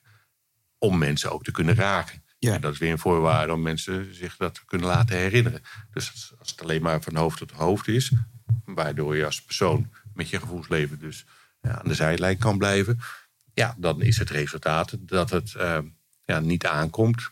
En als het aankomt, direct vervliegt. ja. Dus mensen, het rendement is, eh, is laag. Ja, mensen worden er niet door geraakt en kunnen zich er niet van eh, herinneren, kan het niet, niet reproduceren. En, krijgt ook geen associaties eh, met hun eigen ja, gevoelsleven. Ja. Of, Het gevoel moet erbij komen. Dat is heel belangrijk bij presenteren. ja, nou ja, de urgentie. dat je, wij noemen het recht van spreken. Je hebt pas recht van spreken als je weet dat er een bepaalde behoefte is om iets te presenteren. Ja, je hebt net een heerlijke appeltaart eh, gekregen. Zeker. Althans, een puntje daarvan. Nou, dat dat is ook een een voorbeeld. appeltaart geweest. ja ik heb zelfs Oh, appeltaart was- gekregen. Ik was er nog even niet. Heb Ja, je, je- iets later. Heb je de appeltaart Ja, ik heb jouw puntje weggegeven. Ja. ik zie dat ik me dadelijk moet gaan verontschuldigen hier. eh. Nee, nee, ik probeer, ik probeer juist wat af te vallen. Dus. Het is ook een vorm van, eh, van presenteren. Het presenteren van iets wat je met liefde gebakken hebt. Ja. En zonder iets te zeggen, alleen hè, het laten zien van die appeltaart, maak je daar als persoon een deel van uit. Door met ja, toch een bepaalde verwachting, eh, eh, plezier, eh, dat eh, te presenteren waarvan je ja, weet dat mensen daar dan toch van kunnen gaan genieten. En dat kan alleen maar wanneer je daar dus als persoon deel van uitmaakt. En dat is met elk verhaal zo. Ja. Ja, dat, dat, die urgentie, dus die behoefte die je daarin kan toetsen. En als er geen behoefte is, dan- is dat ook wat het is. En dan kun je afvragen, oké, eh, zit er een bepaalde weerzin in? Of eh, waardoor kan ik het zo presenteren dat die behoefte er toch door ontstaat? Nou, je kan ook bij het punt komen waarop het eh, ja, wat, wat natuurlijker is... om iemand anders diezelfde presentatie te laten geven die er mogelijk wel wat mee heeft. Ja. We proberen mensen echt te laten beleven wat ze vertellen. In die tweede oefening, dan moeten ze iets vertellen waar ze vol van zijn. Ja. En als dat een fietsvakantie is, ik noem maar wat, eh, waar ze over vertellen, dan wil ik achter op de bagagedrager bij ze. De, de, de, de verzuring in de benen, de wind door de haren, de tinteling in de dijen. We willen alles weten. Ja. En, en dat, je, dat, je, dat, ze zich, dat ze het herbeleven en dan vertellen. En dan, dan roep je ook bij andere mensen beelden op die dan eh, ook fietsen of niet, of er hekel aan hebben. Of, eh, Ja. Wij zijn ook van de spruitjes. Als je dan voor- voorbeelden gebruikt, zo, zo precies mogelijk. Dus je kan zeggen voeding, nou, dat kan alles zijn. Als je groente zegt, wordt het al ietsje inzichtelijker. Maar zeg je spruitjes of broccoli of bloemkool, dan roep je plaatjes op bij Ja, mensen. spreekt het dan tot de verbeelding. En als ik het zie en worden, voel ja, en ja. hoor en ruik en proef, dan... Gevoelsassociatie bij. Ja. Dan kom je bij mensen over. Ja. En dat voedt ook de respons om die ervaring die jij met spruitjes hebt, eh, ook te, te willen delen. Ja. Wat voor adviezen geven jullie dan dus, dus de mensen die toch vanuit een soort zakelijke motivatie komen? Ik kan me voorstellen dat, dat, dat toch veelal mensen moeten op het werk iets presenteren. En eh, nou, ik hoor je net zeggen, als je echt helemaal geen affiniteit hebt met het onderwerp, moet je zelf ook al afvragen of jij dan de persoon eh, bent om dat te doen. Eh, maar stel, nou, de- ik, ik, ja, ik moet dit gewoon doen. Ik voel me daar ook verantwoordelijk voor. We gaan dat ook doen. Alleen, het is, dat is dus zo'n hoofdverhaal. Eh, met 60 slides en, eh, en de quarterly eh, revenue gedeeld door drie. En de prospects voor het aankomende jaar. En, zijn sowieso niet zo heel erg van de 60 slides. dus stel, ik kom daar binnen. Dus ik, ik, ik ben zo'n deelnemer. Hoe, hoe helpen jullie mij dan om, om, dat, om, om daarmee die zintuigelijke beleving aan te koppelen? Geef het voorbeeld van die chirurg van dat ziekenhuis... die, de, die zijn level, traumahulp level 3 moest verdedigen. Die dreigde ze kwijt te raken. Oh. Of doe ik het? Eh, dat heb jij eh, beter eh, in het Nou, hoofd. die- we we- we Vertel. gevraagd voor een ziekenhuis. Die, die dreigde hun eh trauma-chirurgie. Dus dat mensen Serieus werk. Binnengebracht met verwondingen. En, en je krijgt meer geld en meer patiënten als je, als je level 3 zit. Zeg ik uit mijn hoofd nu. En eh, dan moesten ze eh, verdedigen, want dat dreigde ze kwijt te raken. En toen werden wij geroepen. En die had inderdaad 60 slides. Helemaal vol met tekst en helemaal vol met... eh, en die hebben we teruggebracht naar zijn verhaal, wat hij meemaakt. Op die, op die, op die eerste helft. Dus persoonlijk maken. En er waren we, hoeveel waren er over? Vijf met plaatjes. Ja, ik geloof twee, twee, twee dia's. Ja, heel weinig. Met plaatjes ook nog. Met vlag en wimpel geslaagd. In plaats van 60 slides. Want mensen kunnen niet al die slides lezen. Het, ik vind de slides ook dia's, eh, plaatjes. Eh, en ook nog naar je luisteren. Dat gaat gewoon niet. Het is te vaak eh, te veel informatie. Ja. Omdat ze, nou, te veel informatie is vaak een teken en dat je niet echt weet waar het om draait, waar het om gaat, wat de essentie is van je boodschap. Dus als je mensen meeneemt naar waar het nou eigenlijk op neerkomt, en door een simpele vraag, wat bedoel je nou eigenlijk, voor wie is het bedoeld, ja, dan kan eigenlijk eh, drie kwart eigenlijk al eh, geskipt worden. En die man vertelde gewoon wat hij meemaakte op de, op de, op de, op de spoedeisende hulp. En, en, en het verschil dat, dat, dat zij daarin konden maken en hoe zij dat aanpakten in plaats van al die slides. En als dus je- persoonlijk maken. En als je de se- essentie hebt, dan weet je eh, wat je daar zelf ook mee hebt. Welk deel daarvan eh, ja, jou raakt. En nou ja, in teamverband eh, kan er best rond een bepaald onderwerp eh nou, tien verschillende dingen zijn die, die mensen daarin raken. En dat maakt een teamverband zo leuk dat eh, ieder daar zo hun eigen eh, insteek bij heeft bij het eh, vertellen van een verhaal rond dat onderwerp. Maar ja, we komen ook nog wel eens mensen tegen die eh, er dan ook achter komen. Ja, je hebt eigenlijk altijd te maken met eh, ja, beroepsculturen. Mhm. eh, die nog wel eens eh, haak staan op eh, ja, hoe jij bereid bent in het leven te staan. Ja, het komt meer dan eens voor dat Ja. mensen na zo'n trainingsdag toch tot het besef komen. Dat er eigenlijk eh, ja, geen eh hel meer eh, valt te behalen. Nee. En besluiten om de volgende dag eh, ja, toch iets anders te gaan zoeken. Het komt ook voor dat, of dat mensen samen gaan werken die hier aan tafel zitten. Die, Ja. die zo, die klik krijgen dat ze samen iets gaan doen. Precies. Maar ook mensen die serieus die, die, die, eh, iets anders gaan doen. Die denken, ja, dit is toch eigenlijk niks. Ik ben iets aan het verdedigen hier en iets aan het presenteren waar ik zo ver vanaf sta. Eh, en dat is ook winst, want die hebben, dan horen we dan later weer dat die, dat die dan wel iets hebben wat ze leuk vinden. Ja. En, eh, ja. En ze gaan allemaal hetzelfde doen. Doen wat ze leuk vinden. ja, nou, hoe leuk is dat? Dat is wel jullie, wat jullie belichamen hier, Ja, ja, toch? Ja. Precies, die omslag heb ik nog niet genoemd. Ik heb eh, 15 jaar een eigen praktijk gehad als eh, psycholoog, waar ik eh, letterlijk in vastgelopen ben. En dat heeft zo lang kunnen duren, omdat ik eh, ja, eh, mijn verantwoordelijkheid buiten mezelf legde. Eigenlijk naar mijn cliënten toe. Die hield ik altijd voor. Ja, de ene heeft wat meer ellende nodig om tot inkeer te komen dan de ander. En er bestaat een groep mensen die volledig moet vastlopen. Waarmee ze zich gedwongen voelen tot inkeer te komen. Ja, ik had het eigenlijk over mezelf. Ja. Dat was een eh, loodgieter. Zelf ook nog wel eens met een eh, lekkende kraan zit. Ja. Ja, nou, de omgeving heeft het vaak veel eerder door. Eh, ziet het met leden ogen aan. Spreek je daarop aan van, eh, gaat het wel goed met je? Zou je niet wat eh, eh, anders gaan doen? Wat voor signalen zag je? Ik was de omgeving. Ja, precies. Ja, de signalen. Nou, dat hij, dat hij ver- verdrietig werd, depressief. Eh, met tegenzin naar zijn, naar zijn, zijn werk was bij ons thuis. Dus hij hoefde niet heel ver eh, te- eh, aan de andere kant van het huis. We hadden twee appartementen die aan elkaar Ik heb mijn zaten. werk mee naar huis genomen. Ja, Praktijk. Eh, maar ik zag dat Ja. hij er steeds verdrietiger van werd. En toen zaten we langs, het, eh, langs de Kralingse Plas in Rotterdam samen een keer.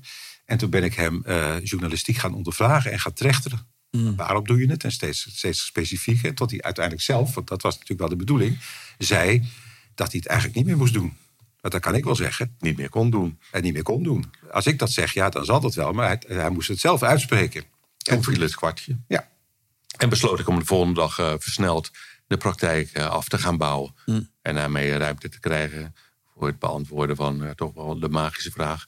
Wat vind ik dan wel leuk om te doen? Ja. Nou, dat was ik niet gewend, omdat eh, eigenlijk eh, ik ben opgegroeid door, door mensen die vooral voor mij wisten wat goed voor me was. Daarmee eh, bewandelde ik een pad wat niet de mijne was. En daar ben ik dus in vastgelopen. Eigenlijk een, eh, ja, een gezonde reactie op een ongezonde eh, situatie. Ja. En dat was met vallen opstaan om te komen, wat ik wel leuk vond. Nou ja, dan is de cirkel weer rond. Want ik gaf net aan dat- ik wel heel gemotiveerd ben om andere mensen daarvoor te behoeden. En vroegtijdig te wijzen op hoeveel moois ze met zich meedragen aan kwaliteit en talenten. En ehm, dat ze die ja, eigenlijk onterecht wat, wat, eh, wat verborgen houden. dat was Maar jij met- zelf ook trouwens. Want, eh, toen ik hem leerde kennen, zat hij op de lagere technische school. Hè? Ja, elektricien. Ja, dat, dat wat ik in de intro kort aanstipte. Ja, dat is natuurlijk ook weer totaal iets anders dan psychologie. Nou ja, Ja, is ook zo. Ja, ja. Ehm, ja, misschien was dat wel een, eh, een, een bijproduct van... eh, ja, ook als kind niet helemaal op mijn plek te, te zitten. Dat ik, eh, nou ja, ik eh, zag iets van jou terug in, eh, in een interview. dat je een van je middelen die je inzet, de, de clown uithangen. Ja. Nou, dat was bij mij ook het geval. waar ik overigens wel succes mee boekte. Alleen niet wat schoolresultaten be- betrof. dus ik, kwam, ik ben nog wel eens van school Herkenbaar, gestuurd. En kwam daarmee op een steeds lager niveau. Uiteindelijk op de ja, LTS heette dat nog, een lagere technische school. Ja. Ja, daar wel een diploma van. Dus ik heb wel een, een schooldiploma, LTS. en eh, als elektricien eh, in de bouw gaan werken. ja. Nog voordat je dus uiteindelijk wel weer bij de universiteit eh eh Ja, terecht kwam. precies. Ja, maar goed, dan, eh, toen was ik in de, de bouw aan het werk. eh eh, kochten het eh, tochtige ruimtes, eh, eh, koud. En eh, ja, toen kwam heel snel het besef, eh, ja, dit wil ik niet eh, heel lang eh, blijven doen. Dus toen kwam ook de motivatie om eh, iets anders te gaan doen. Waar ik ja, kennelijk toch ook weer andere diploma's voor nodig had. Dus eh, toen ben ik weer eh, teruggegaan in de schoolbanken. Te beginnen met eh, de moedermavo. Ga jij maar leren, zei ik tegen hem. Ja, want toen waren jullie al bij elkaar in die tijd. Ja, zeker. Ja, op de LTS eh, heb ik hem leren kennen. Ja. Hij heeft me van een schoolplein eh, ge- gepikt. Ja, het was wel gênant. Ik, ik, ik, zat- ik was op het trappaard, toch? Ja, als je als 25 jaar aan het schoolplein staat, dan... eh, het is verjaard, Jan. Je kan het best wel zeggen nu. Ik stond ook niet aan het schoolplein. Maar wat wel gênant was, was ik zat op Hilversum 3. En, eh, en, en ik daar op maandagmiddag bij de AVRO, eh, eh, als Frank van der Mast. eh, want ik moest op dat zendschip een andere naam verzinnen. En ik draaide iedere week een plaatje voor I Wanna Stay With You... of dat soort titels. uit speciaal voor jou als je luistert, zei ik dan. En, en mijn collega zei op een gegeven moment... toen niet meer Jan, dat wordt zielig. Maar hij zei op de, op in de klas waar dat aan stond... dat doet hij voor mij. We hadden een praktijk eh, ja, lokaal. En ik had uh, praktijk. Er stond de radio aan. Ja, precies van vier, eh, hè, t- Ja. eh, van drie tot eh, vijf of zo. En Ja. dat waren precies de uitzenduren van eh, ja, Frank van der Mars bij de AVRO. En in die tijd was Koen, eh, misschien nog wel steeds, eh, eh, hij was bij 17, bijna 18 en ik was dan 25. Was toen al veel wijzer dan ik. Ook veel levenswijzer. Eh, en ik had het, had het allemaal nog maar net ontdekt. En, eh, dus eh, ja, zo ging dat. Ja. En, en, en, Want hoe hebben jullie elkaar dan tegengekomen? Je zegt schoolplein, maar de, de- de- Nee, zo, hoe, eh, een kom, keertje bij, bij, bij de radio wezen kijken. zo kijken, snuffels het stage of zo. ja. Stage, ja. Ja, Ja. ja, ja, nou. Begonnen we snuffel. Zie Jan weer denken, weet je, een flauwe opmerking maken? Nee, je merkt kom hoe- in. Je merkt hoe beschaafd ik ben. Ja. En, en toen is hij mee teruggereden naar huis, want er ging nog geen trein. En, en ja, zo is het begonnen. En, en ja, in het, begin, in het begin was dat, was, was dat helemaal niet zo goed tussen ons. Er werden dingen door de kamer gesmeten. Een Belse puber was ik. ja, en, en mensen beginnen op een roze wolk, wij eindigen op een roze wolk. Ja, het begint diep en het gaat vervolgens... Nou ja, gaat, maar eh, dat, dat is, maar dan, dan wel. eh, nou ja, wij weten natuurlijk heel goed wat we aan elkaar hebben. En, en ik, ik ben nog nu al 41 jaar stapelverliefd op deze man. Dus nog steeds. Dus het is, eh, ja, Nou, dan zal het wel zo blijven, denk ik ik. denk het ook. Dus hoe mooi is dat? Dat en ik zie, en ik zie aan je ogen dat het klopt. Dus, Ja, eh, en, dus en dat, dat, dat, dat je dat samen kan bereiken. Ja. Met, met, met een wat eh, bumpige start. ja. Dus, ja. Hey, en de bottom line wat ik jou net hoor vertellen is dat, dat, dat je dus die, die shit, hè, ze zeggen ook wel eens make from your mess your success. Maar die, die shit kun je niet voorkomen. Nee, maar de- dat, dat, dat, dat ligt aan de basis van elke groei. Ja, Eh, niets verhaaldelijker dan dat het je langere tijd voor de wind gaat. Want dan ontwikkel je niets. Denk maar aan de sportschool. Daar ga je Ja. ook, eh, om de weerstand tegen te komen, om eh, spieren te ontwikkelen. Ja. Ja, zo is het hele, hele leven eigenlijk. En we komen pas in actie, want ja, in de basis willen we toch houden zoals het is. comfortabel. Ja, precies. Totdat, nou ja, goed, en dan komen we bij het punt. De een heeft wat meer ellende nodig om tot één keer te komen en actie te ondernemen dan de ander. Ehm, maar ja, pijn ligt eigenlijk altijd aan, aan de basis van groei. Dus, Ja. ja. ja, Of een vorm van disruptie, wat dan ook. Hè. Dus, kan ook dus dat is, je zegt het heel mooi. Dat is letterlijk ook wat in mijn hoofd opkwam eerder in dit gesprek. Dat ja, als ik naar de sportschool ga en ik heb spierpijn, dan vind ik dat lekkere pijn. Maar dan als, als ik een oncomfortabel, ik zeg dat wel een beetje met een Ja. boer, boerskiepijn, is die ook kijken van nou. Ik ging naar de sportschool op de lunch. Je... Oké. de Highlands, toch? De Highlands. Ja, dit is, dit is aangeleerd gedrag hoor, Jan, wat, je- wat je mij hoort zeggen. Want ik ben absoluut geen, eh, geen niet van huis uit een sportfreak. Maar, maar op zich, hè, dus dat leer je fijn vinden. Ja. Eh, maar eh, oncomfortabele gesprekken ga je doorgaans, als we het dan weer hebben over communicatie en presenteren uit de weg. Terwijl het juist daar de, de, de groei Ja, wij eh, zit. We hebben wekelijks eh, Oh ja, doen een, we ook. Ja. een vast puntje, de zondagochtend, eh, ons wekelijks gesprek. Om 11 uur bij de En dan eh, lopen we leeg op eh, alles wat ons niet zint, eh, waar we tegenaan lopen, waar we bang voor zijn. Jullie hebben een wekelijks oncomfortabel gesprek over elkaar? Of, of, of gaat het gewoon eh, over onszelf. over onszelf? Gewoon, eh, de, ja, oké. Ik heb Ja, het bedacht. dus ik heb het bedacht. Hoe, Eh, hoe heet het ook weer? Een, Dat weet ik niet. Ik, Oh, ik, ja. ik vraag aan hem, hoe was jouw week? En dan hoor ik de leuke en de minder leuke dingen. En Ja. dat hoort hij van mij ook. En dan kijken we hoe we elkaar kunnen helpen, hoe we elkaar kunnen steunen. Hoe we, eh, nou ja, misschien dingetjes aanpassen. Dat is heel, het- mensen praten zo langs elkaar heen altijd. En wij waren eh, van de week in, bij, een, bij een heel mooi restaurant in eh, Harderwijk. Dat duurde 3,5 uur. Het avondeten zaten lekker buiten. En dan merk ik dat wij na 41 jaar nog steeds 3,5 uur lang met elkaar kunnen zijn elkaar nog steeds verhalen te vertellen hebben. Het is geen moment ongemakkelijk. Het is vallen geen stiltes. Of als ze vallen zijn ze prima. Het is, het is eh, organisch goed op de een of andere manier. Drieënhalf uur lang bij het eten. Andere mensen zullen na een uurtje van... Oh, blijft het, waar blijft het hoofdgerecht? Ja, ik heb dat soms. duurt, duurt het niet een beetje lang? Of, eh, maar hebben wij totaal niet. Pre-corona is ook veel onderweg, veel hotelovernachtingen. En dan zie je soms mensen eten aan tafel. En ik, eerder zat ik altijd met mijn telefoon in de hand. En op een gegeven moment laat je dat weg. En dan ga je observeren. En dan zie je de verhalen voor je neus ontstaan. Want dan Ja, zie je ja. dan, weet je wel, stelletjes die dan gaan eten. Nou, maar geen, woord. Geen woord met elkaar. schermen. Ja, En, en, en dat, dan denk ik, ja, maar dat zien wij best. Nou, het valt wel mee. Maar het zien dat toch wel regelmatig in restaurants... dat mensen aan tafel zitten die zwijgend het eten naar binnen werken. En die, ja, misschien werkt dat voor hun, dat zou kunnen. Ja, nou goed. Er is ook een verschil tussen zwijgen en zwijgen. Ja. Hè, De stiltes, eh, dat is ook nog Ja. een onderwerp eh, Ja. wat we tijdens trainingen aandacht geven. Omdat mensen wel eens als ze dood zijn om stil te vallen. Terwijl juist stilte de, eh, de wezenlijke overdracht plaatsvindt van je boodschap. We denken nog wel eens eh, in verbale zin, zolang we informatie overbrengen, dat daarmee de boodschap overkomt. Dat, zei, dat bedoelde jij net, Jan. Hè? Dat was jouw coping, zou je kunnen zeggen. En dat, Ja. nou, dan is het goed op stil te kunnen zijn. Ja, terwijl het contact pas echt plaatsvindt of de verbinding versterkt op het eh, moment waarop we bereid zijn om eens even onze mond te houden. Ja. Wij leren mensen ook, dat die ratelen door. Hè? Het begint bijna allemaal. Maken, het, het, een minuut presenteren, is één lange zin. en wij leren juist dat ze punten moeten zetten. En, Ja. di- en dingen die van, dingen van belang zijn eruit moeten tillen. En vooral, wat komt zeg, terecht zegt, rustpauzes. Even de mensen de gelegenheid geven om te verwerken wat je gezegd hebt. En dan weer verder. Ja. Ja, als je een punt wil maken, moet je hem ook wel bereid zijn te zetten. Zo is dat. En dat is best Mooi. lastig in het Ja. begin bij veel mensen. Zeker. Maar dan merk je dat als ze in het verhaal zitten bij die tweede oefening over hun passie, dat dat veel makkelijker en al bijna uit zichzelf gaat. Ja. Als ze in verbinding staan met wat ze zeggen. Er zijn drie ingrediënten, drie geheimen, zoals jullie dat noemen. Het, eh, Zijn ze alle drie al gepasseerd in dit eh, gesprek? Eh, ja, zeker. De een wat meer dan de ander. Nou, we hebben het over de essentie gehad, hè? De, de kern van je boodschap. Eh, elke boodschap eh, die je verkondigt heeft een essentie. Het punt waar het jou om gaat, waar het jou om draait. Dat wat jou daar het meest in raakt. Ja. Dat is eh, het heilig vuur waar mensen nog wel eens vandaan zijn geraakt. En dan is een waakvlammetje nou, wat, eh, wat voor te kabbelen. Hè? Dus heel mooi om mensen wat, eh, wat eh, op te warmen. En wat dichter bij het vuur te brengen. Dus die ze ook daadwerkelijk eh, opleven. De kernboodschap noemen wij dat, hè? Ja. Korte.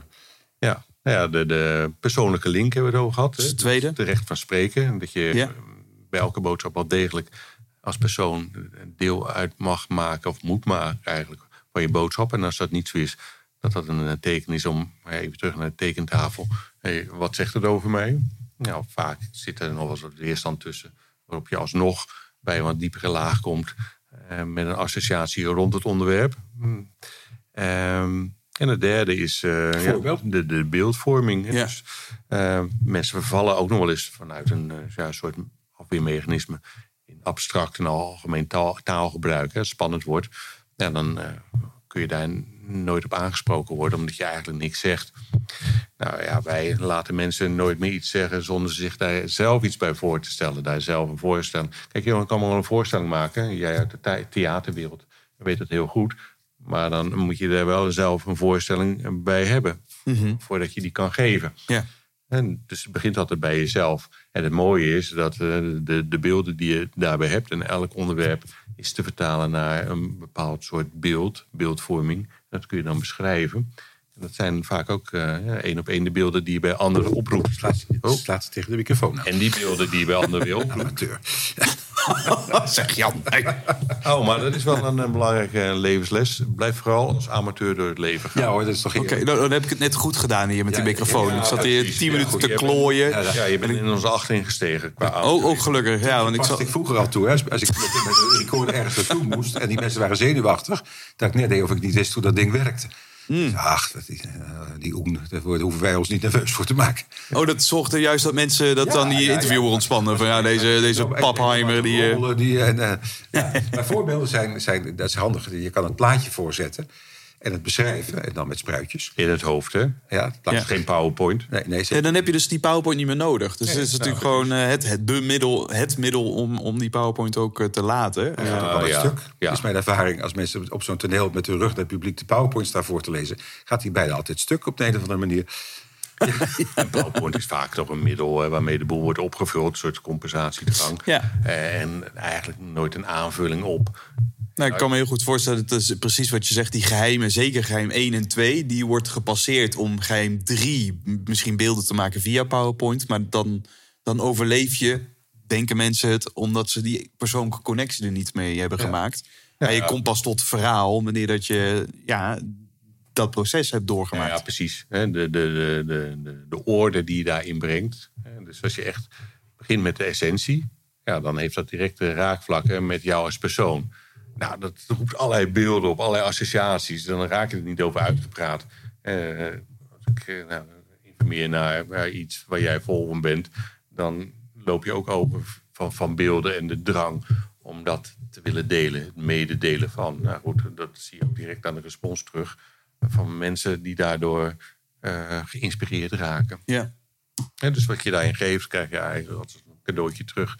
En dat maakt Ja. die eh, dagen zo waardevol. Goed schiks en kwaad schiks dan, toch? Als je eerlijk bent. Dus ook de, de- in het begin, Ja, het gestuntel, dat krijg je ook terug. Maar dan Ja, dat, maar dat, dat- maakt ja. het effect dan ook weer... eh, gewaardeerd. Het is een, een, ja, een spelvorm. ja. Door maar te kijken wat er van komt en alles is goed. Er kan ook nooit iets fout Ja. gaan. we beginnen ook al met de dag dat het geen examen is. Hè, dat mensen de randjes moeten opzoeken van wat ze comfortabel vinden. Dat de stoelen al gedraaid zijn. Eh, dus, J- Jullie zijn al gedraaid. Ja, de knoppen zijn ingedrukt. Nee, maar, die, maar dat mensen eh, eh, die, die dan denken... er- Wat gebeurt er? Ja, de, de camera piept. Nou, je mag gewoon doorpraten. Oké, jij bent altijd ge- ge- ge- getriggerd op piepjes. Eh, Ja, dan zie ik stoma vol. ja. Nee, dat is een ander piep. Eh, Dus, ja. Nee, dan is- hij lek. nou, hoe ver ben ik er nog vanaf? Eh, Vandaar de- dat deze stoelen wieltjes hebben. Ik reis met Jan 's morgens ook naar binnen. het gaat nu van schetsen. Ja, dat, eh, de- ja, we- ik denk dat we naar de afronding gaan. Ik, ik hoor mijn oortje hier. ja. De regie zegt eh, stoppen nou. hè. Ja, ja. Nee, maar ja, ik, ik weet ook helemaal niet wat ik aan het vertellen was. oh, voorbeelden, ja. Dat, dat voorbeelden zo, zo handig zijn dat je nooit zonder tekst zit. Dat Precies. is eigenlijk het. eh, en als je dat goed doet met spruitjes, dan. eh, Nou, want dat is, dat is dus ook jouw les over dat jij, wat je bij de radio hebt geleerd. Hè? Want dat zei je, wat, een tv maakt het gemakkelijker. Want ik had geleerd om te kletsen. Ja. Dus als er iets misging, kletste Ja. ik door. Wat is jouw geheime improvisatieles? de, beschrijven wat er gebeurt. Ja. beschrijven wat er gebeurt. Ik had laatst een. eh, nou ja, de, de- de- recent nog Kaar, de lieve Karin, mijn visagiste. Die, ik, ik, we zitten een deel van de uitzending op de kruk. Ja. Voor, dan komt er iets met eh, augmented reality. Er komt iets uit de vloer wat er niet echt is. Oké. Een scherm. En dan vertel ik wat er in de andere media is. Maar ik zat even te wachten om daarmee te beginnen. Want er liep nog een bandje, ik geloof van, de, van het wiel- en wedstrijd. En ik zat al op die kruk. En Karin stond aan de zijkant en dacht dat ik tussen twee uitzendingen in zat. dus die komt dodelijk even wandelde oplopen. naar mij toe. En begon mijn gezicht te kwasten. Dus eh, daar kan je paar dingen doen. Je kan in paniek raken en denken... ja, maar dat kan niet zijn. op Mens. Wat doe je nou? Maar ik, ik kijk naar Karin en ik zeg... heel gezellig dat je er even bent, Karin. Maar we zijn op televisie. en, en Karin dacht, wat, die grap maak ik natuurlijk wel vaker. Nou, dat zal wel. Dus die kwaste rustig door. En ik zei, nee, kijk daar, we zijn echt... En toen dwarrelde ze het beeld uit. Heeft na de hand ook nog moeten huilen. Echt waar? Ja. Dus voor haar was dat toch wel een big thing. eh. Ja, maar, maar ja, ze was, ze was een live-uitzending binnengelopen. Voor ons, eh, eh, dat, dat fragment is, is overal geweest. Van, Hmm. van Umberto tot op, op één. Op alle sites, van de Linda tot het AD tot de Telegraaf. Echt overal. Want? Omdat het leuk was. Het was bijzonder grappig. Het was een fragmentje van een minuut. En het, ja, als je het ziet, is het dolkomisch. Het is echt... De mensen hebben gehuild van het lachen die het zagen. Dus die, dan, dan krijg je die programma's hebben allemaal dingetjes van andere media. Dus het is overal geweest. Dus het was een geweldige reclame voor ons programma. Ja. En, eh, En het voorbeeld om het leven wat Ja. meer te nemen zoals... het, ja, eh, en dat is nog het belangrijkste. ja. Dat het goud, je kan dat dus proberen, maar dat, het ontstaat. En dan maak Ja. je van de, de, fout een deugd. En dan is het Ja, ineens heel als erg... er een eh, lamp, lamp valt, eh, dat dat ook die vlak langs de desk scheert. Dan, het- het- het- ik weet niet waar ik het vandaan haal. Dan zeg ik, het wordt nieuw licht op de zaak geworpen. Of, eh, eh, nou, ik weet ook niet waar het vandaan komt. Ja. Maar, maar het komt. En eh, nou ja, dat vinden mensen kennelijk heel erg leuk. Dus die Ja. hopen eigenlijk stiekem dat er iets heel erg misgaat, heb ik het idee. Maar ook in de, de ja, wat meer dramatische zin, in persoonlijke zin... eh, gaan er ook eh, dingen nog wel eens anders eh, dan, dan je hoopt of verwacht. Ja. Zoals het uitvallen van het haar. Ja. Heb ik ooit ook Ja. in mijn enige interview aan de Margriet ook verteld. Ehm, ja, dat, dat, dat was voor mij ook een probleem. Zo. Ehm, Ja. En probeer te bedekken en uh, toepetjes. En uh, waardoor ik er extra probleem bij kreeg. Want een extra laagje, uh, iets Een ophouden. soort Mark Marie effect, hè? Letterlijk iets ophouden. uh, wat je moet bewaken, bewaren, in de gaten moet houden. Dus dat uh, geeft dus extra ehm, problemen dan dat het een, uh, tot een oplossing uh, leidt. Daarnaast, en dat is van recentere datum. Ik heb uh, de laatste tijd gelukkig wat minder last van depressies. Maar er zijn jaren geweest dat ik daar flink onder geleden heb. Maar vooral blijkt nu, door het voor mijn omgeving verborgen te houden. Ofwel vrolijk te doen zonder het te zijn. Hmm. En dat raakt een lijn die we mensen ook nog eens voorhouden. En dan mogen ze eruit halen waar ze zich in herkennen. En er wordt ook nog eens betrokken gedaan, zonder dat de mensen ook betrokken zijn.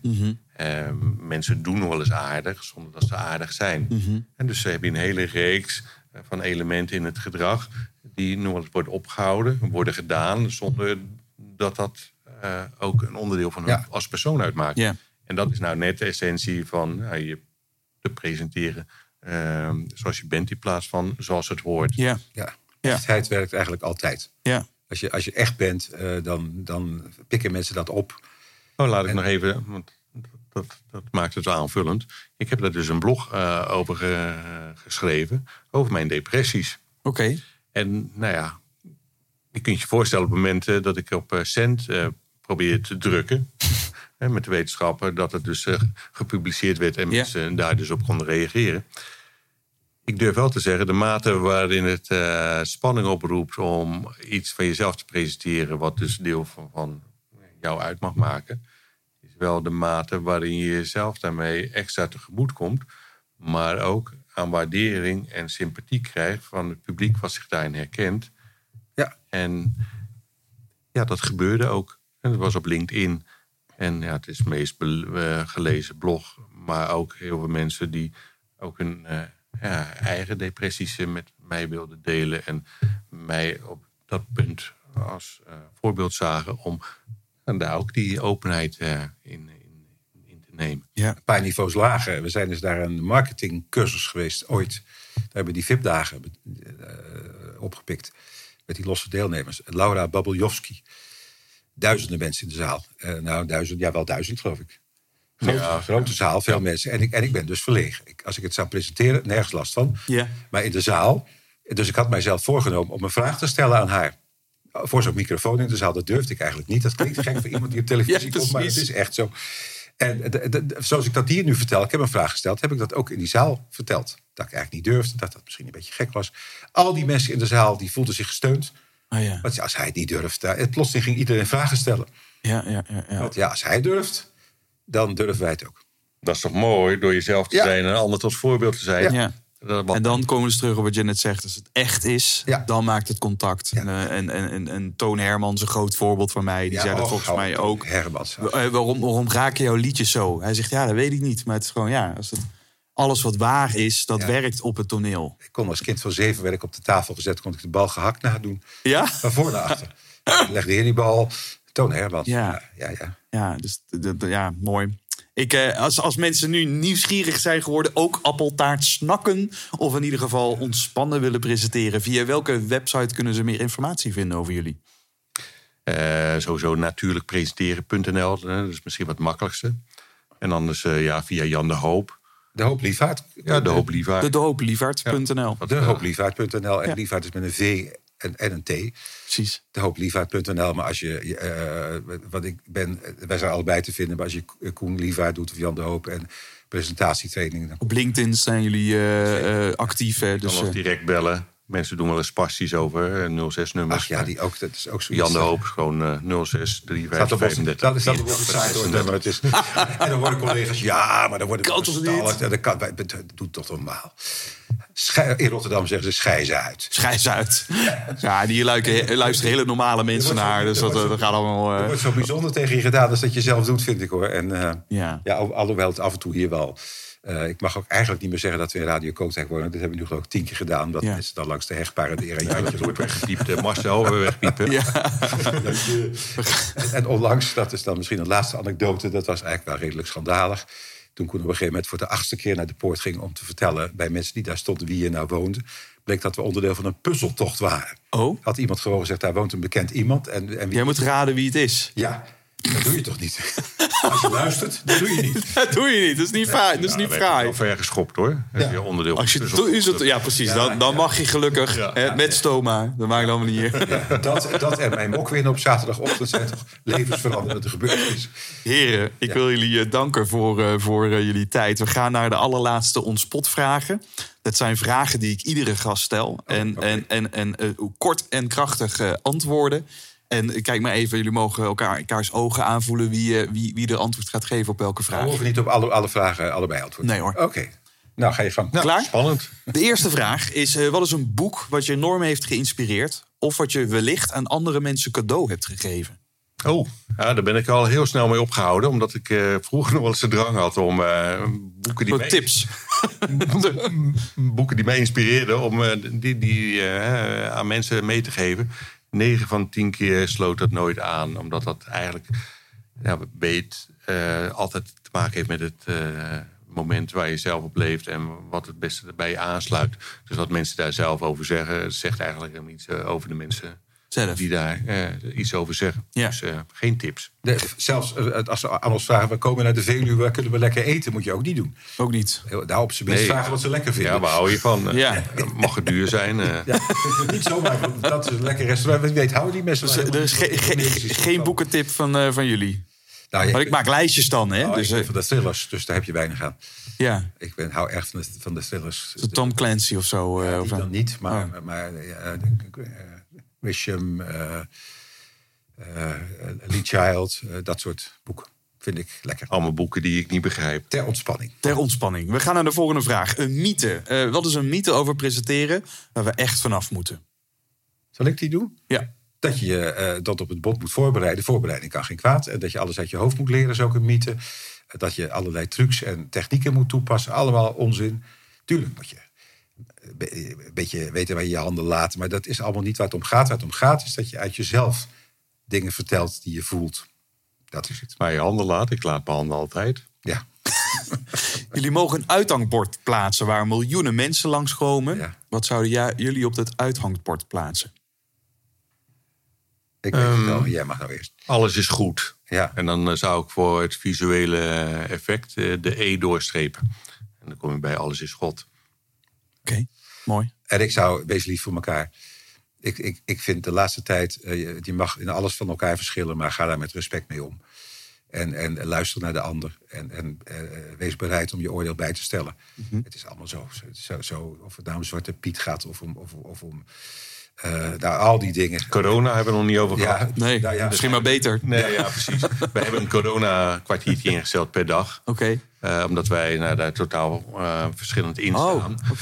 En, eh, Maar ik, respe- ik, ik respecteer hem en, en, en hij mij. ik Dus jou dat- niet. Oh, Oh, oh, toch wel. Nou, nou, eh, gaan we weer. stel je voor dat angst geen rol meer speelt. Wat voor keuze zou je dan maken? Oh, dan zou ik met Koen naar de jungle van Costa Rica gaan. ja, dat zou wel leuk zijn. Eh, Jan is overal bang voor. Dus dan zouden we eindelijk weer eens naar iets spannends op vakantie gaan. Iets We avontuurlijks. komen niet verder dan de Efteling. dat is wel spannend, jongens aan het raken. Hoe? Wie, is, eh, wie is voor jullie persoonlijk een idool of inspiratiebron? Ja, tegenwoordig ben ik helemaal in de band van eh, Alexander Smit. Eh, die is al een tijdje niet onder ons meer. Die is ook maar 50 jaar geworden. Wie was, eh, ja, was Alexander Smit? Alexander Smit is een, ja, een Nederlander, een Nederlandse goeroe eigenlijk, zoals hij zichzelf zag en noemde.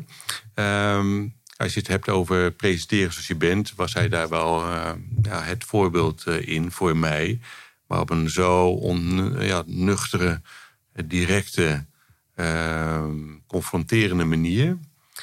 Ehm, ja, er zijn geen boeken van, ehm, maar wel dus audiotapes. Podcasts, hè, op een soort En van. honderden uren. Ja, die kan je dus... eh ja, Zijn, zijn- die online eh, te vinden en te beluisteren? over uh, Mixcloud. Of, eh, nou ja, goed, je moet het maar eens goog- Ja. googlen. Eh, ehm, Ken ik, ik ken hem niet. is heerlijk. eh, ja, daar, daar luister ik dagelijks naar. Mooi. En voor jou, Jan? Eh, zakelijk, of, of qua presenteren, Joop van Zijl, denk ik. Oké. Die vind ik. eh, en eh, qua leven, Koen. Koen is mijn voorbeeld. Die, die Dat is nou, eh, je- daar grijp ik in hoor. Nou gaan mensen een beetje... Ja, maar het is echt zo. Hij is heel wijs. krijgen hij een is beetje... heel- Ja, nee, hou op. mensen krijgen nu een we- de mensen gaan afhaken. Eh, Dat is afgelopen. Bij Dus de derde keer kreeg ik wat het gevoel, het wordt een beetje weeg. eh. ja, ja, maar het is wel zo. Ja, je gaat gewoon door, hè? Ik ben een kleffe dwijl. Het is, eh, eh, het is, eh, hij is, hij, blijkbaar hij is veel wijzer dan ik. Ja, nee, je hebt, je hebt je punt gemaakt, Jan. Wat zei je nou? Ik was even met de luisteraars. eh. Jullie mogen een muzieknummer in de over spreker gesproken jukebox stoppen. Eh, ik vraag sprekers vaak wat is een nummer, een anthem wat je graag luistert voor of na het spreken. Er komen verrassende dingen uit. Eh, maar, maar dat mag ook gewoon een, een, een lijflied zijn. Een, eh, Oh, mag- mag ik? Ja, dat wordt weer klef. Eh, Some Kind of Wonderful van Michael Bublé. Omdat ik het nogal getroffen heb in mijn leven. Als ik doodga, moet dat dan maar op de crematie. mooi. Ja. Ja, ik, dan ben ik toch wat meer van eh, de, de de, Bostella. Van Johnny en Rijk. Mensen moeten dat maar eens eh, op YouTube bekijken. Enorme hit. Het is een eh, ja, carnavalshit uit de jaren... Jij bent dit ook jaren 70? Nee, 60. 60. Oh, kijk. Een Rotterdammer die van carnaval houdt. Eh, ja, zeker. Maar dat doet me denken aan eh, de kroeg waar mijn ouders altijd kwamen. Ah. De molen in Rotterdam, eh, Delfshaven. Ja, kroeg De Molen. En eh, met zo'n mooie oude jukebox. En eh, F6, dat was dan eh, de Bostella. Pam, pam, pam, pam, pam, pam, dansen samen de Ja, we dansen samen de Bostella. Ja, die- die wordt nog steeds gedraaid hè, met carnaval. een knal, hè? Ja, hij komt nog steeds. Ja, ja, ja, ik ben in Limburg opgegroeid, dus eh, dan ken je de carnavalsklassiekers. Ja. Ja, maar in Limburg mag je toch geen eh plaatjes uit de Randstad... nee, nee, maar het wordt, wordt het, het klopt. Eigenlijk van Vares, hè. In Limburg zijn het allemaal van Vares. ja, maar, maar Buurt Redenus. ja, ja. En, eh, Oh, ja, Niet ik, ik, ik, ik, wil allemaal dingen gaan noemen. Ik ga de, de luisteraar besparen. Eh, de la- allerlaatste vraag is de college tourvraag. Eh, een beginnend spreker eh, wil eh, graag aan de slag. Wat zou jullie advies zijn? Wat is een mooie eerste stap? Een training bij ons volgen lijkt me. Staat genoteerd.